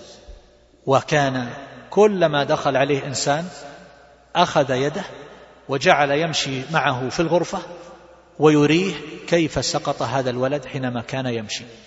وهكذا ديدنه مع كل من يأتي إليه حتى أولئك الذين يأتون من أجل التعلم منه. لا يتعلمون شيئا. بل أكثر من هذا كان يرفض تماما أن يطفأ النور الذي في غرفة هذا الولد أو أن يغير شيء من متاعه وملابسه. وتأتيه أحيانا بعض الهلوسات يقول سيرجع لم يمت لا تغيروا شيئا من مكانه. رجل خارت قواه وضعف وتغير وذهب عقله بسبب هذه المصيبة. وعامي فلاح بناحيتنا. فلاح لم يتعلم شيئا. عنده صبي مريض وعنده بنات ذهب إلى السوق فمات الصبي فغسل الولد وجهز ولما جاء وقت مجيء الأب من السوق ليلا أخرجت الأم البنات وأمرتهن بأن يحصدن الزرع في المزرعة يسكنون في المزرعة وتهيأت لزوجها وصنعت طعاما فجاء وأكل وسأل عن الصبي وقالت بخير ثم وقع عليها ثم قالت إن جاءنا أحد بأمانة ثم طلبها. قال نعطيه. قالت فصاحب الأمانة قد أخذها. فقال قصيدة سمعتها. طويلة فيها ذكر معاني عجيبة جدا من استواء الله على العرش. ومعاني عجبت كيف فهمها هذا الرجل. وسألت من عرفه. وبعض أقرانه هل يعرف خبر أبي طلحة؟ فقالوا لا يعرفه. ذكرت لهم الخبر الحديث. قالوا لا يعرفه مع أن القصة في غاية المشابهة. عامي عامي. ونرى بعض النساء حينما يستشهد ولدها في المعركة ونحن تقول الحمد لله. ويأتيها خبره أن وقع لها له حادث أو نحو ذلك لربما وجدتها في غاية الصبر والثبات وهي تصبر الآخرين. ونقول الحمد لله. الله عز وجل قدر هذا وعاش عندنا هذا العمر هذه السنوات ثم أخذه الله عز وجل واختاره. وهذا العمر الذي قدر له عوام عوام. هذه المسائل ليست تحفظ وتؤخذ من طريق العلم فحسب لكن المنتظر من أهل العلم أكثر من المنتظر من غيرهم لكنها عقائد ينبغي أن تزرع في النفوس. والمقصود أيها الأحبة أن نهاية الأمر بالنسبة للجميع هي الصبر فالحازم العاقل يقول فليكن فليكن أولا. بخلاف اللئيم فإنه يصبر اضطرارا لأنه يحوم حول ساحة الجزع. فإن رآها لا تجدي عنه شيئا فإنه يصبر صبر الموثق للضرب. صلى الله العافية. المربوط اللي يضرب. لا يستطيع القيام ولا الفرار ولا التخلص. ماذا يصنع؟ الكريم يصبر طاعة لله واحتسابا. اللئيم يصبر في طاعة الشيطان على المعاصي والذنوب. ولذلك فإن اللئام أصبر الناس في طاعة أهوائهم وشهواتهم وهم أقل الناس صبرا في طاعة الله جل جلاله. فتجد هذا يصبر على البذل في سبيل الشيطان ويسافر إلى أماكن بعيدة جدا من أجل تحصيل الشهوات. ولربما لا يصبر على الوقوف في صلاة ركعتين أو المشي إلى المسجد لغلبة الهوى على نفسه. ولربما يصبر على ما يقال في عرضة حينما يقارف الدنايا ويتحمل ويثبت ولا يصبر على كلمة تقال في حقه في سبيل الله عز وجل ولذلك لا يأمر بمعروف ولا ينهى عن المنكر لأنه لا يريد أن يوجه إليه كلاما جارحا أو يقال هذا صاحب فضول أو نحو ذلك. يصبر على إراقة ماء وجهه من أجل تحصيل شهواته يذهب إلى هذا وهذا وهذا ولا يصبر ليكلم إنسانا في أمر يأمره بمعروف أو طاعة أو ينهاه عن منكر ومعصية أو نحو ذلك. فهذا أعظم اللؤم فهذا الفرق بين صبر الكرام وصبر اللئام كما ذكر ذلك الحافظ ابن القيم رحمه الله. ومن الفروقات وهو الثالث الفرق بين الصبر والصبر الجميل. تكلم على هذه المسألة جمع من أهل العلم منهم الشيخ تقي الدين بن تيمية رحمه الله وتلميذه الحافظ ابن القيم وخلاصة ما ذكروا في ذلك هو أن الصبر الجميل هو الذي لا شكوى معه يعني للمخلوقين. بخلاف الشكوى لله عز وجل كما سنبين بإذن الله تبارك وتعالى. هذا هو الصبر الجميل الذي لا شكوى معه. وأما الصبر بمجرده يعني غير الصبر الجميل فقد يكون معه شكوى للمخلوق. يصبر ولكنه إذا جاءه أحد قال حصل لي كذا وحصل لي كذا وحصل لي كذا. وهذا نوعان. نوع يقصد به الشكاية وهي نوعان أيضا. نوع تكون فيه الشكاية إلى من يرجو عنده علاجا وطبا كالذي يخبر الطبيب أو يخبر من يظن أن عنده معرفة بهذا الأمر. ونوع آخر وهو أن يشكو إلى من لا يجد عنده أو من لا يعلم عنده أو من لا ينتظر عنده أصلا. العلاج ولا النفع وإنما يتشكى يشكو المخلوق على الخالق. ونوع يقصد به الإخبار. قلنا نوعان نوع يقصد به الشكاية وهو نوعان. ونوع يقصد به الإخبار يخبر حصل لي كذا وذهبت إلى المستشفى وعملوا لي عملية. وأزالوا كذا وفعلوا كذا وتألمت ويخبر. فهذا أسهل من الشكوى. الصبر الجميل ألا يتكلم بعلته. يوجه أمره إلى الله عز وجل. وإذا سأل أحد يقول أنا بخير وطيب وعلى ما تحب والحمد لله ولا يزيد على ذلك. أما كل من دخل عليه جلس يسرد له نصف ساعة أو أكثر. ما وقع له وما حصل. بالتفصيل الممل أحيانا. فهذا ليس قد يكون صابرا. ولكن هذا ينقصه. ينقصه. فإن قصد أنه يشكو الله عز وجل فهذا خارج خارج عن الصبر. نعم. ويعقوب صلى الله عليه وسلم قال لأبنائه فصبر فصبر جميل. وقال يا أسف على يوسف لكنه كان يتوجه إلى الله في شكواه كما قال إنما أشكو بثي وحزني إلى الله. فهذا الصبر الجميل وفى به صلى الله عليه وسلم والأنبياء إذا قالوا فإنهم يوفون بما قالوا. ومع ذلك هو يقول إنما أشكو بثي وحزني إلى الله. فدل على أن بث الشكوى والحزن لغير الله عز وجل ليس من الصبر الجميل. وأما بثه لله تبارك وتعالى فهو من الصبر فهو من الصبر الجميل.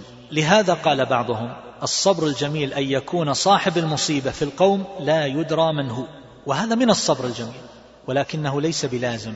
قد يظهر عليه آثار الحزن لكنه لا يصدر منه شيء. لا يصدر منه شيء. هناك أمور لا يمكن دفعها. واضح الفرق بين وجه الإنسان الحزين ووجه الإنسان المسرور الفرح. لكن المؤاخذة إنما تكون بما يصدر عنه. يتكلم به ينطق به بكاء خارج عن الحد المقبول. فمثل هذا نعم لا يكون الأنين ليس بمحرم في المرض ولكن الكبار أهل المنازل العالية يتركونه لئلا يصدر منهم شيء.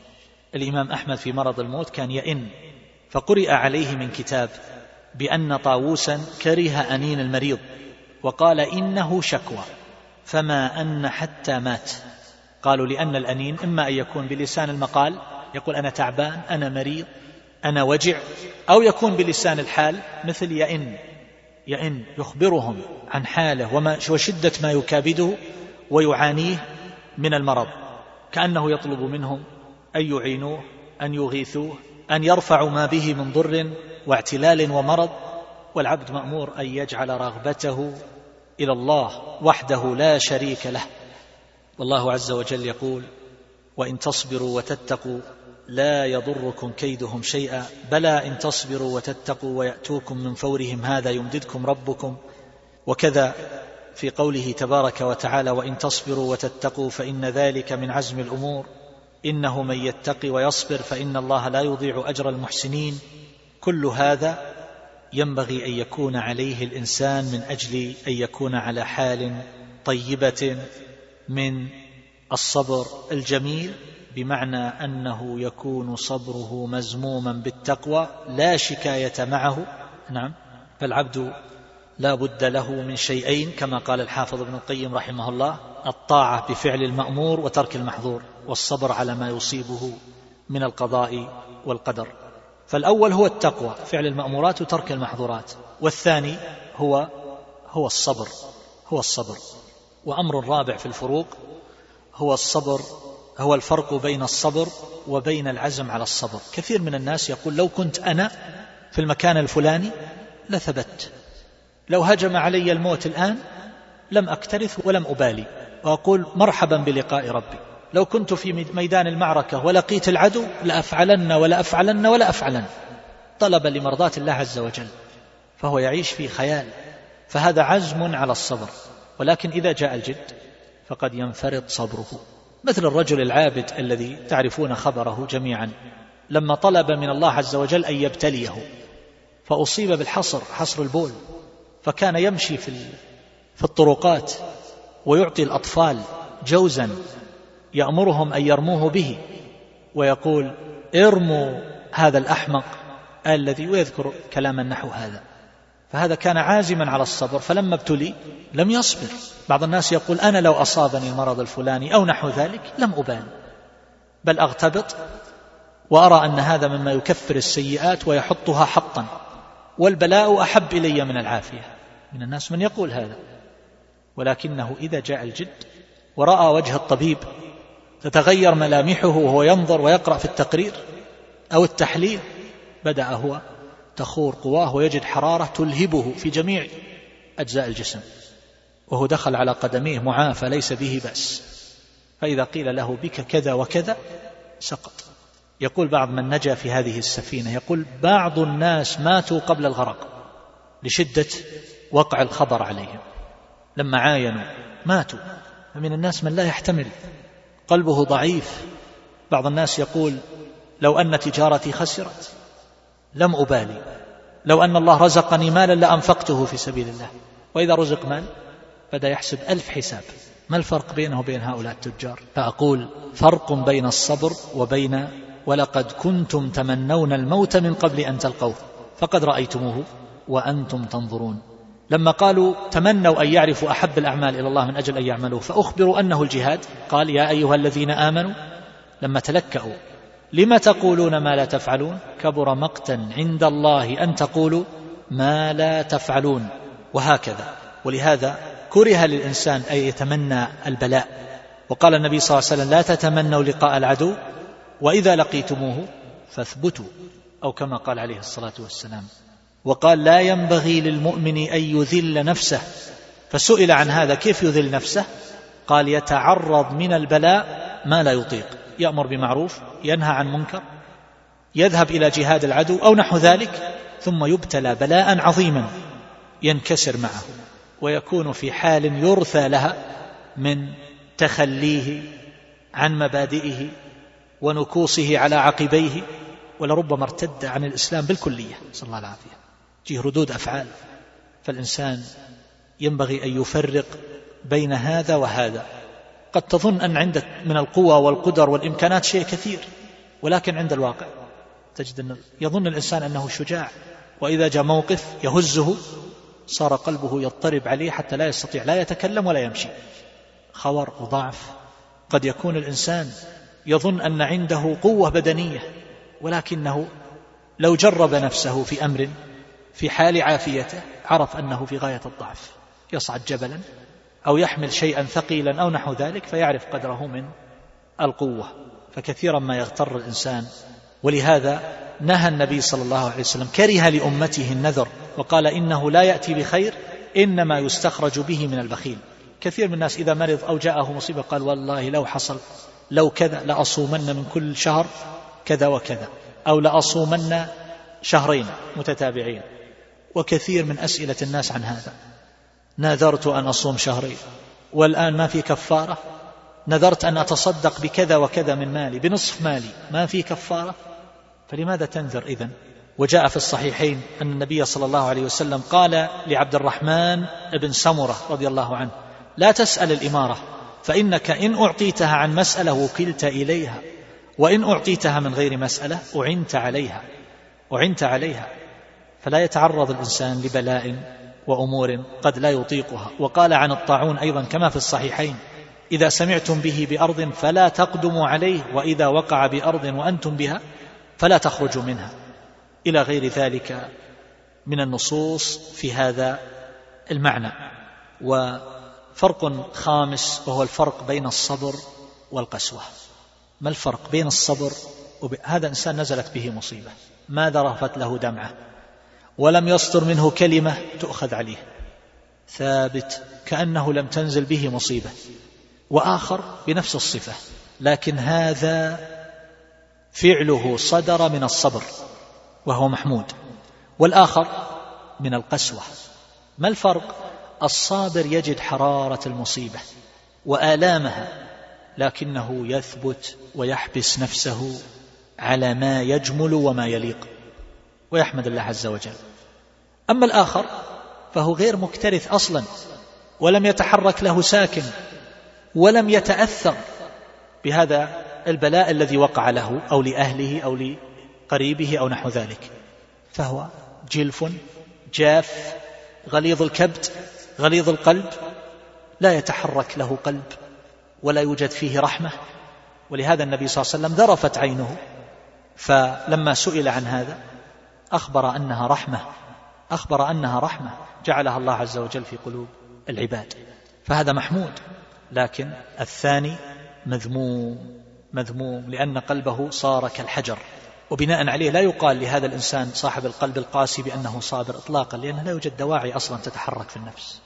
موضوع ما يعنيه لعلكم تظنون أني أبالغ بهذا. أعرف رجلا حدثني ابن عمته. أعرفه صاحب مخدرات وفساد وفواحش. مات أبوه في بلد ذهب يعالج فيها. واتصل عليهم ليأخذوه من المطار. يقول ابن عمته. يقول ذهب يستلمه المطار وأخذوا معهم حدثا. ولربما قارفوا ما لا يليق. ذاهب يستلم جثة والده. هذا ماذا يقال له؟ صابر صلى الله العافية هذا يقال ميت القلب. ميت قلبه قاسي. ولا الآخر اللي, اللي يموت قريبه وهو يدخن ويتكلم عن الأسهم ويتكلم عن العقارات ويتكلم عن ويضحك بملء فيه ويكون مجلس العزاء عبارة عن مجاملات ووجاهات وهذا قلبه قاسي. لا يقال إنه صابر ما شاء الله تبارك الله. متصبر ثابت. نتحدث عن قضية رابعة مما يتصل بهذا الموضوع وهي الكلام على منزلته وأهميته. والحديث عن هذه القضية يرتبط بالحديث عن بعض ما ذكرناه بين يدي الحديث عن الصبر. كذلك يرتبط أيضا بما سيأتي من الكلام على بعض المفاضلات إضافة إلى فضائله أو ما يتعلق بذكره في الكتاب والسنة. كذلك يرتبط أيضا بما سيأتي في أواخر حديثنا عن الصبر من الكلام عن ثمراته بإذن الله عز وجل. وهذا لا غرابة فيه ولا يمكن الانفكاك منه لأن هذه الموضوعات القلبية ترتبط أجزاؤها ارتباطا كبيرا كما أن بعضها أيضا يرتبط ببعض غاية الارتباط. ولكن قدر الإمكان أحاول دائما أن أتوقى التكرار وأكتفي بما ذكرته في موضع عن ذكره في الموضع الآخر وإلا فإنه قد يصلح بعض ما ذكر ليذكر في موضع آخر يتعلق بأسباب عمل من هذه الأعمال والطريق الموصل إليه أو ما يتعلق ببعض المعالجات. فينبغي أن يكون ذلك على ذكر واعتبار. أقول أيها الأحبة مما يبين منزلة هذا الأمر ومرتبته من الدين وما له من الأهمية أنك إن نظرت إليه من وجوهه المختلفة. عرفت أنه كما قيل جماع الأمر ونظام الحزم ودعامة العقل وبذر الخير وحيلة من لا حيلة له كما قال ابن حبان في روضة العقلاء ونزهة الفضلاء. وقد ذكره الله عز وجل في القرآن عشرات المرات. عشرات المرات.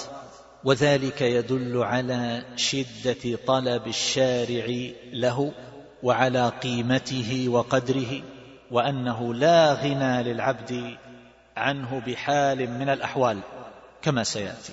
وقد قرنه الله عز وجل بالعبادات العظام ودعائم الدين كما قرنه بالصلاة في قوله استعينوا بالصبر والصلاة استعينوا بالصبر والصلاة وذلك أن الاستعانة بهذين الأمرين يسهل على الإنسان القيام بسائر الطاعات وكف النفس عن سائر المعاصي.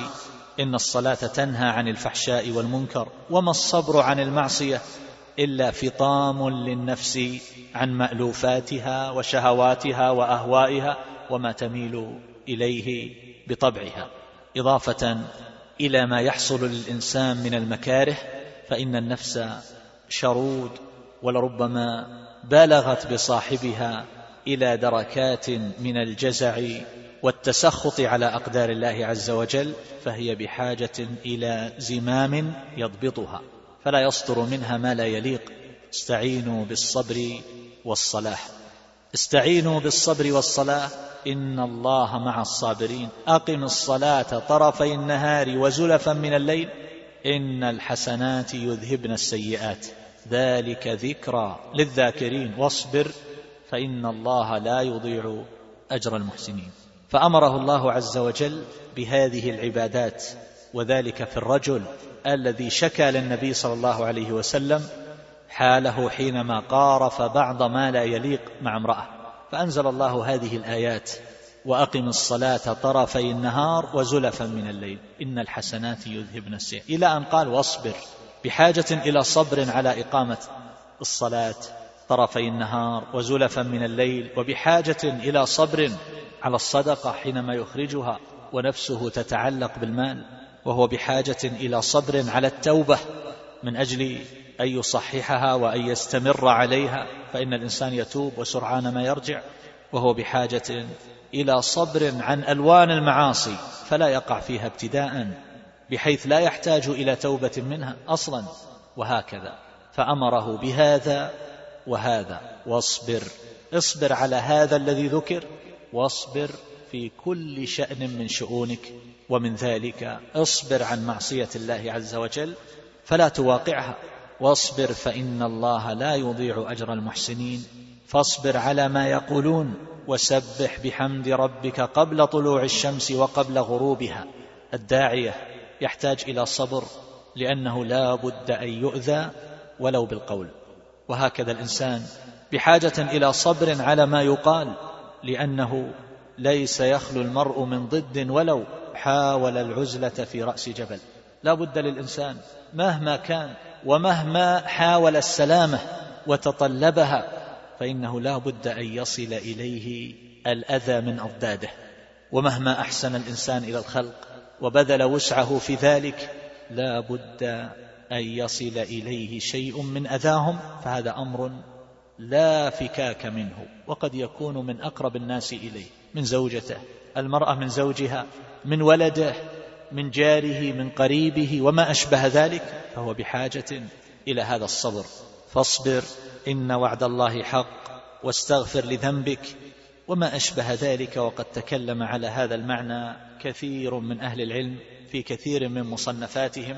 وقد قال الشيخ محمد بن عبد الوهاب رحمه الله في كتاب التوحيد باب من الإيمان بالله الصبر على أقدار الله.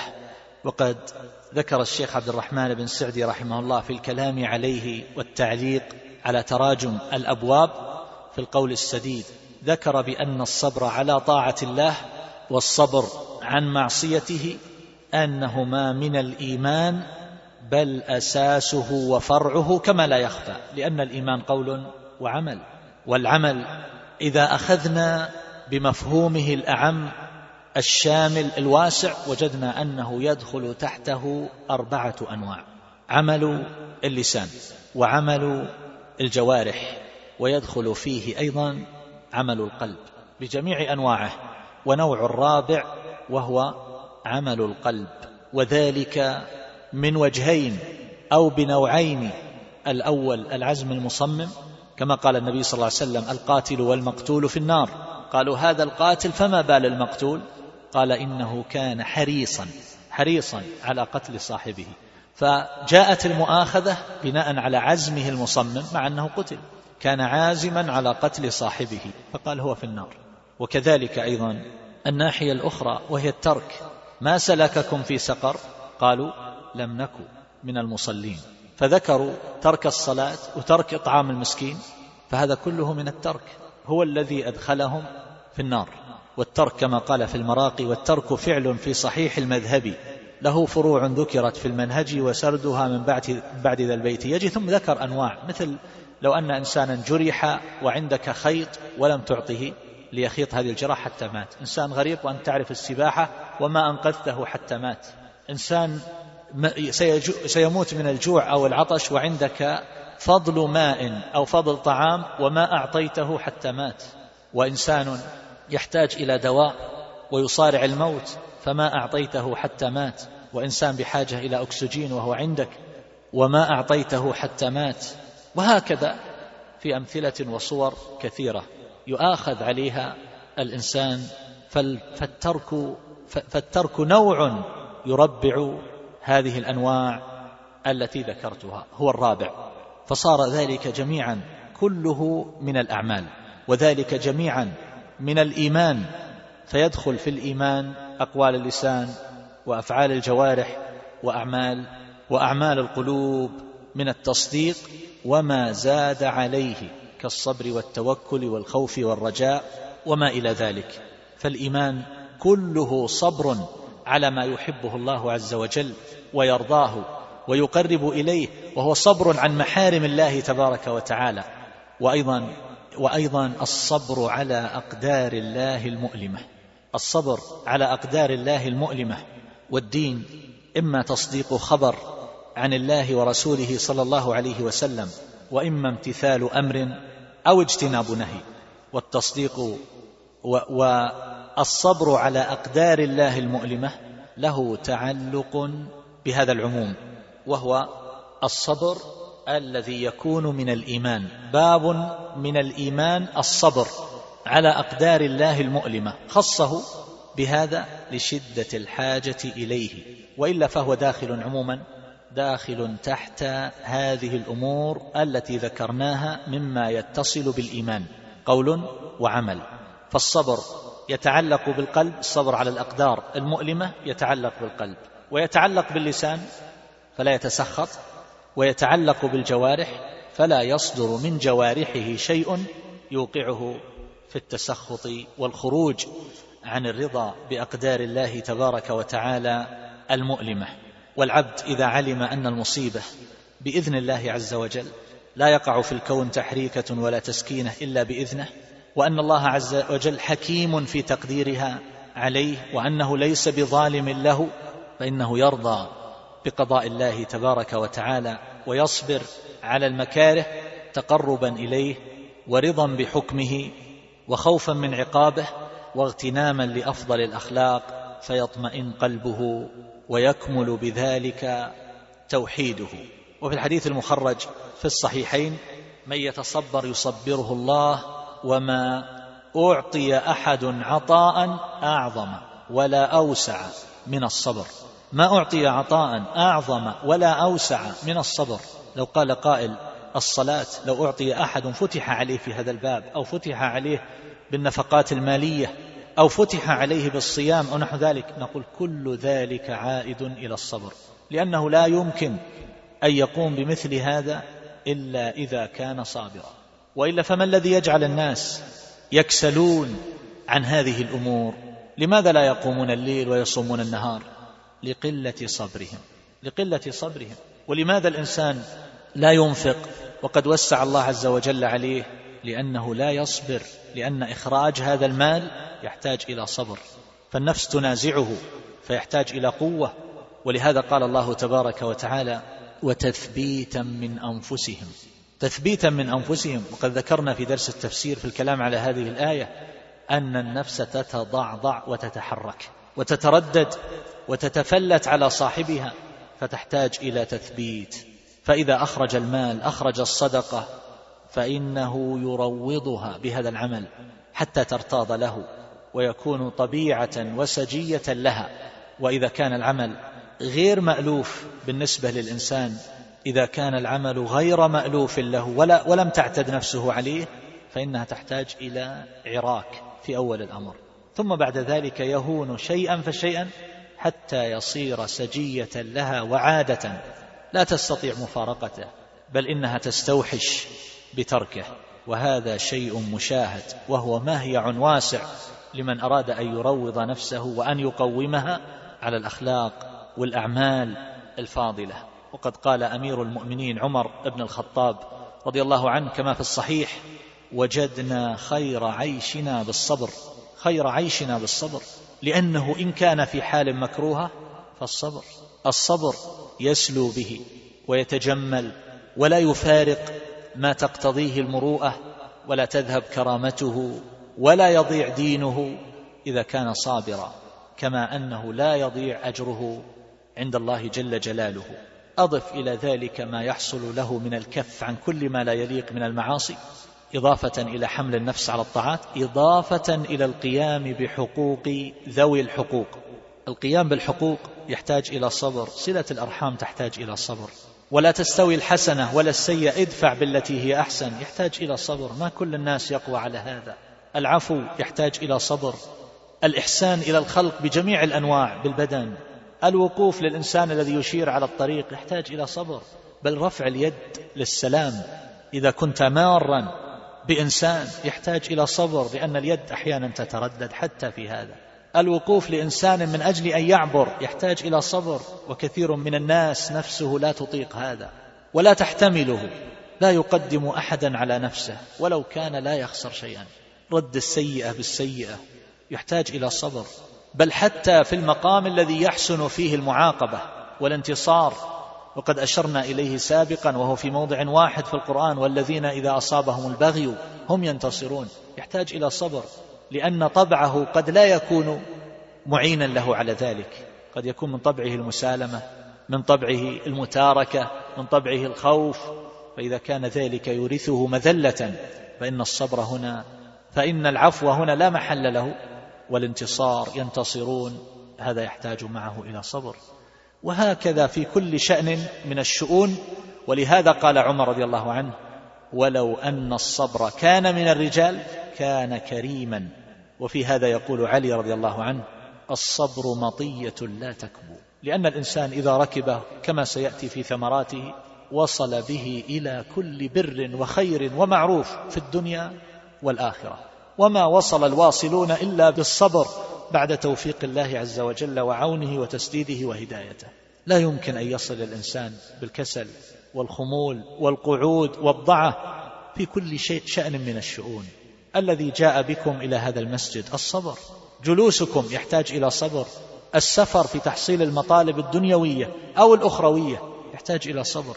ليس هناك شيء أيها الأحبة مما يرتفع به الإنسان ويحصل مطلوبا إلا إلا بالصبر.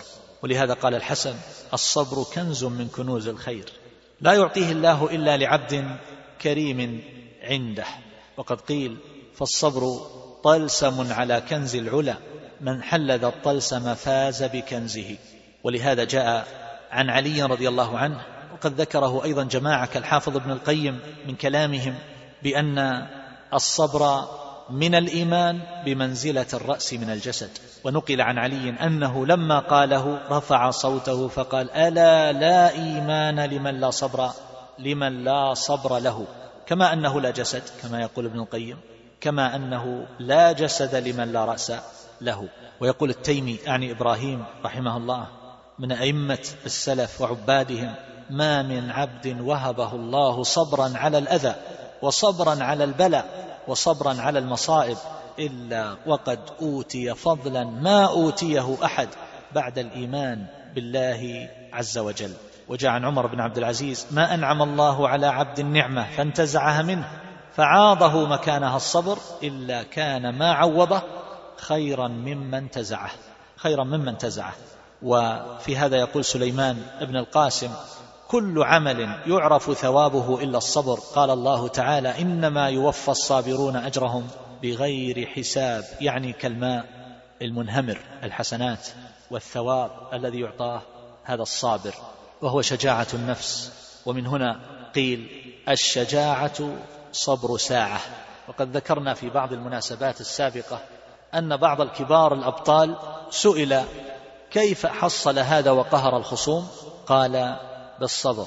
يقدر أن خصمه سينهزم بعد قليل فيثبت في أرض المعركة ولا يتضعضع ثم بعد ذلك ينهزم خصمه أو ينكسر أو يقتل.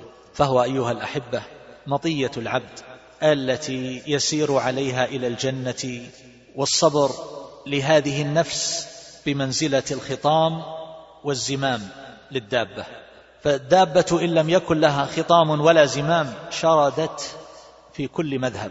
وقد جاء عن الحجاج ابن يوسف الثقفي والحكمة تؤخذ من كل أحد أنه خطب فقال اقدعوا هذه النفوس فإنها طلعة إلى كل سوء. فرحم الله امرأ جعل لنفسه خطاما وزماما فقادها بخطامها إلى طاعة الله وصرفها بزمامها عن معاصي الله. فإن الصبر عن محارم الله أيسر من الصبر على عذابه.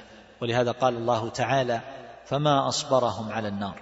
هم لا يصبرون على النار لا أحد يصبر على النار ولكنهم صبروا على الأسباب التي توصل إلى النار. مع ما سمعوا من نصح الناصحين وإنكار المنكرين ومع ذلك ثبتوا على ما لا يرضي الله جل جلاله. والعبد كما يقول الحافظ ابن القيم رحمه الله متى فقد الصبر واليقين كمن أراد السفر في البحر بغير مركب وهو كما يقول في طريق الهجرتين أول منازل الإيمان ودرجاته وأوسطها وآخرها فإن صاحب الرضا والشكر لا يعدم الصبر في مرتبته بل الصبر معه وبه يتحقق الرضا والشكر. ولا تصور ولا تحقق لهما دونه ما يمكن يكون العبد راضيا وهو لا يصبر ولا يمكن أن يكون شاكرا لله عز وجل وهو لا يصبر لأن الواجب الأول هو الصبر. وفوقه كما سيأتي الرضا. وفوقه الشكر لله عز وجل مع وجود الألم والمصيبة والأذى. فإذا كان الإنسان لا يصبر فأنى له بتلك المراتب العالية من الرضا والشكر. وإذا كان الإنسان قد بلغ إلى شيء منها فإن ذلك يكون باستجماع ما قبله. ومثله ابن القيم رحمه الله بالربح في التجارات. يقول هو يبيع ويشتري في صفقة فيحصل له ربح. ثم يبيع ويشتري فيحصل له ربح. ثم يبيع ويشتري فيحصل له ربح. ثم تكون مرتبته في التجارة والربح بناء على هذه الأمور المتراكمة. فلا يذهب ربحه الأول حينما اشترى به وبرأس المال سلعة أخرى ثم باعها وربح بها ثم اشترى سلعة أخرى وباعها وربح بها ثم وهكذا. وذلك بخلاف سير الإنسان الحسي حينما يسير في السفر فإنه كلما قطع منزلة من منازل الطريق فارقها وجعلها خلف ظهره وانفك عنها. أما السير إلى الله عز وجل بهذه المراتب من صبر ورضا وشكر فإن ذلك لا يحصل إلا بالحصول على الأول. مثل ما تقول في العلم يحتاج الإنسان إلى ضبط مبادئه ثم بعد ذلك يحتاج إلى ضبط ما يتفرع عنه من مسائله ثم بعد ذلك يحتاج إلى مكملاته ونهاياته. فإذا بلغ إلى نهاياته فإنه لا يكون محصلا لذلك إلا إذا حصل إلا إذا حصل البدايات. فإذا فارق البدايات ليس معنى ذلك أنه قد تخلى عنها وتركها ولا ينتفع بها. فمجموع علم الإنسان حينما يتكلم سلامة اللغة أو حينما يعرب أو حينما يستنبط حكما فإن ذلك بمجموع ما حصله في مراتب التعلم. في مراتب التعلم فتكون له حالة في آخر الأمر من الكمالات إذا وفقه الله عز وجل قد وصل إليها بأمور قبلها وهكذا الأعمال القلبية. حينما يصل الإنسان إلى حالة مرضية يكون قبلها له ألوان من المجاهدات والصبر والأعمال الأخرى من التوكل على الله والرجاء رجاء ما عنده وتعلق القلب به وتفويض الأمور إليه وما أشبه ذلك حتى وصل إلى هذه إلى هذه المستويات. ولذلك مستوى الإنسان التربوي كيف يحصله؟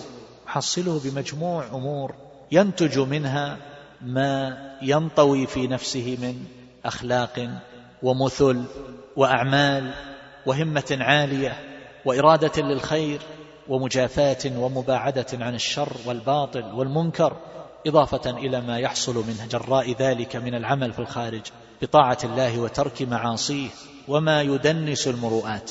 وبهذا يتفاضل الناس. فتجد هذا إذا رأيته ذكرت الله عز وجل وإذا رأيت الآخر قلت اللهم أني أعوذ بك من الخبث والخبائث. ما السبب في هذا؟ هو السفول والانحطاط. همة منحطة وأعمال سافلة ورغبة في الشر وكراهية للخير وخمول وكسل وضعة وألوان الأسقام والأمراض التي تعتلج في القلب. وهكذا. فالصبر أيها الأحبة بجميع أنواعه التي سمعتم والتي سيأتي الكلام عليها مفردا بإذن الله عز وجل هو أصل للكمالات التي يحصلها العبد. وأخص الناس بالله وأولاهم به هو أشدهم قياما وتحققا بهذا الأمر. والخاصة إليه أحوج من العامة. والخاصة هذه كلمة يدخل تحتها أنواع من الناس. فالدعاة إلى الله عز وجل بالنسبة إلى العامة يعتبرون من الخاصة وأهل الدين والصلاح بالنسبة لغيرهم من عموم الأمة من المفرطين يعتبرون من الخاصة والعلماء يعتبرون من خاصة الخاصة إن صح التعبير. فالخاصة يقابلها العامة والمسألة نسبية فالخاصة أحوج إلى الصبر من العامة. فلو أخذنا بدرجة من هؤلاء الخاصة وقلنا عموم أهل الدين والصلاح والخير هم أحوج إلى الصبر من من غيرهم. لماذا هم أحوج إلى الصبر من غيرهم؟ لأن نفوسهم قد توجهت إلى طلب الطاعات والقربات والمباعدة عن المعاصي وهذا يتطلب جهدا كبيرا وعملا دؤوبا. وكلما أراد الإنسان أن يرتقي أكثر كلما كان بحاجة إلى صبر أكثر. فإذا انقطع صبره توقف ثم بعد ذلك يبدأ بالتراجع. ولذلك تجد الرجل أحيانا يقبل على طاعة الله عز وجل ثم يبقى على ذلك الشهور أو السنوات ثم بعد ذلك يبدأ يفرط ويضعف ويتلاشى.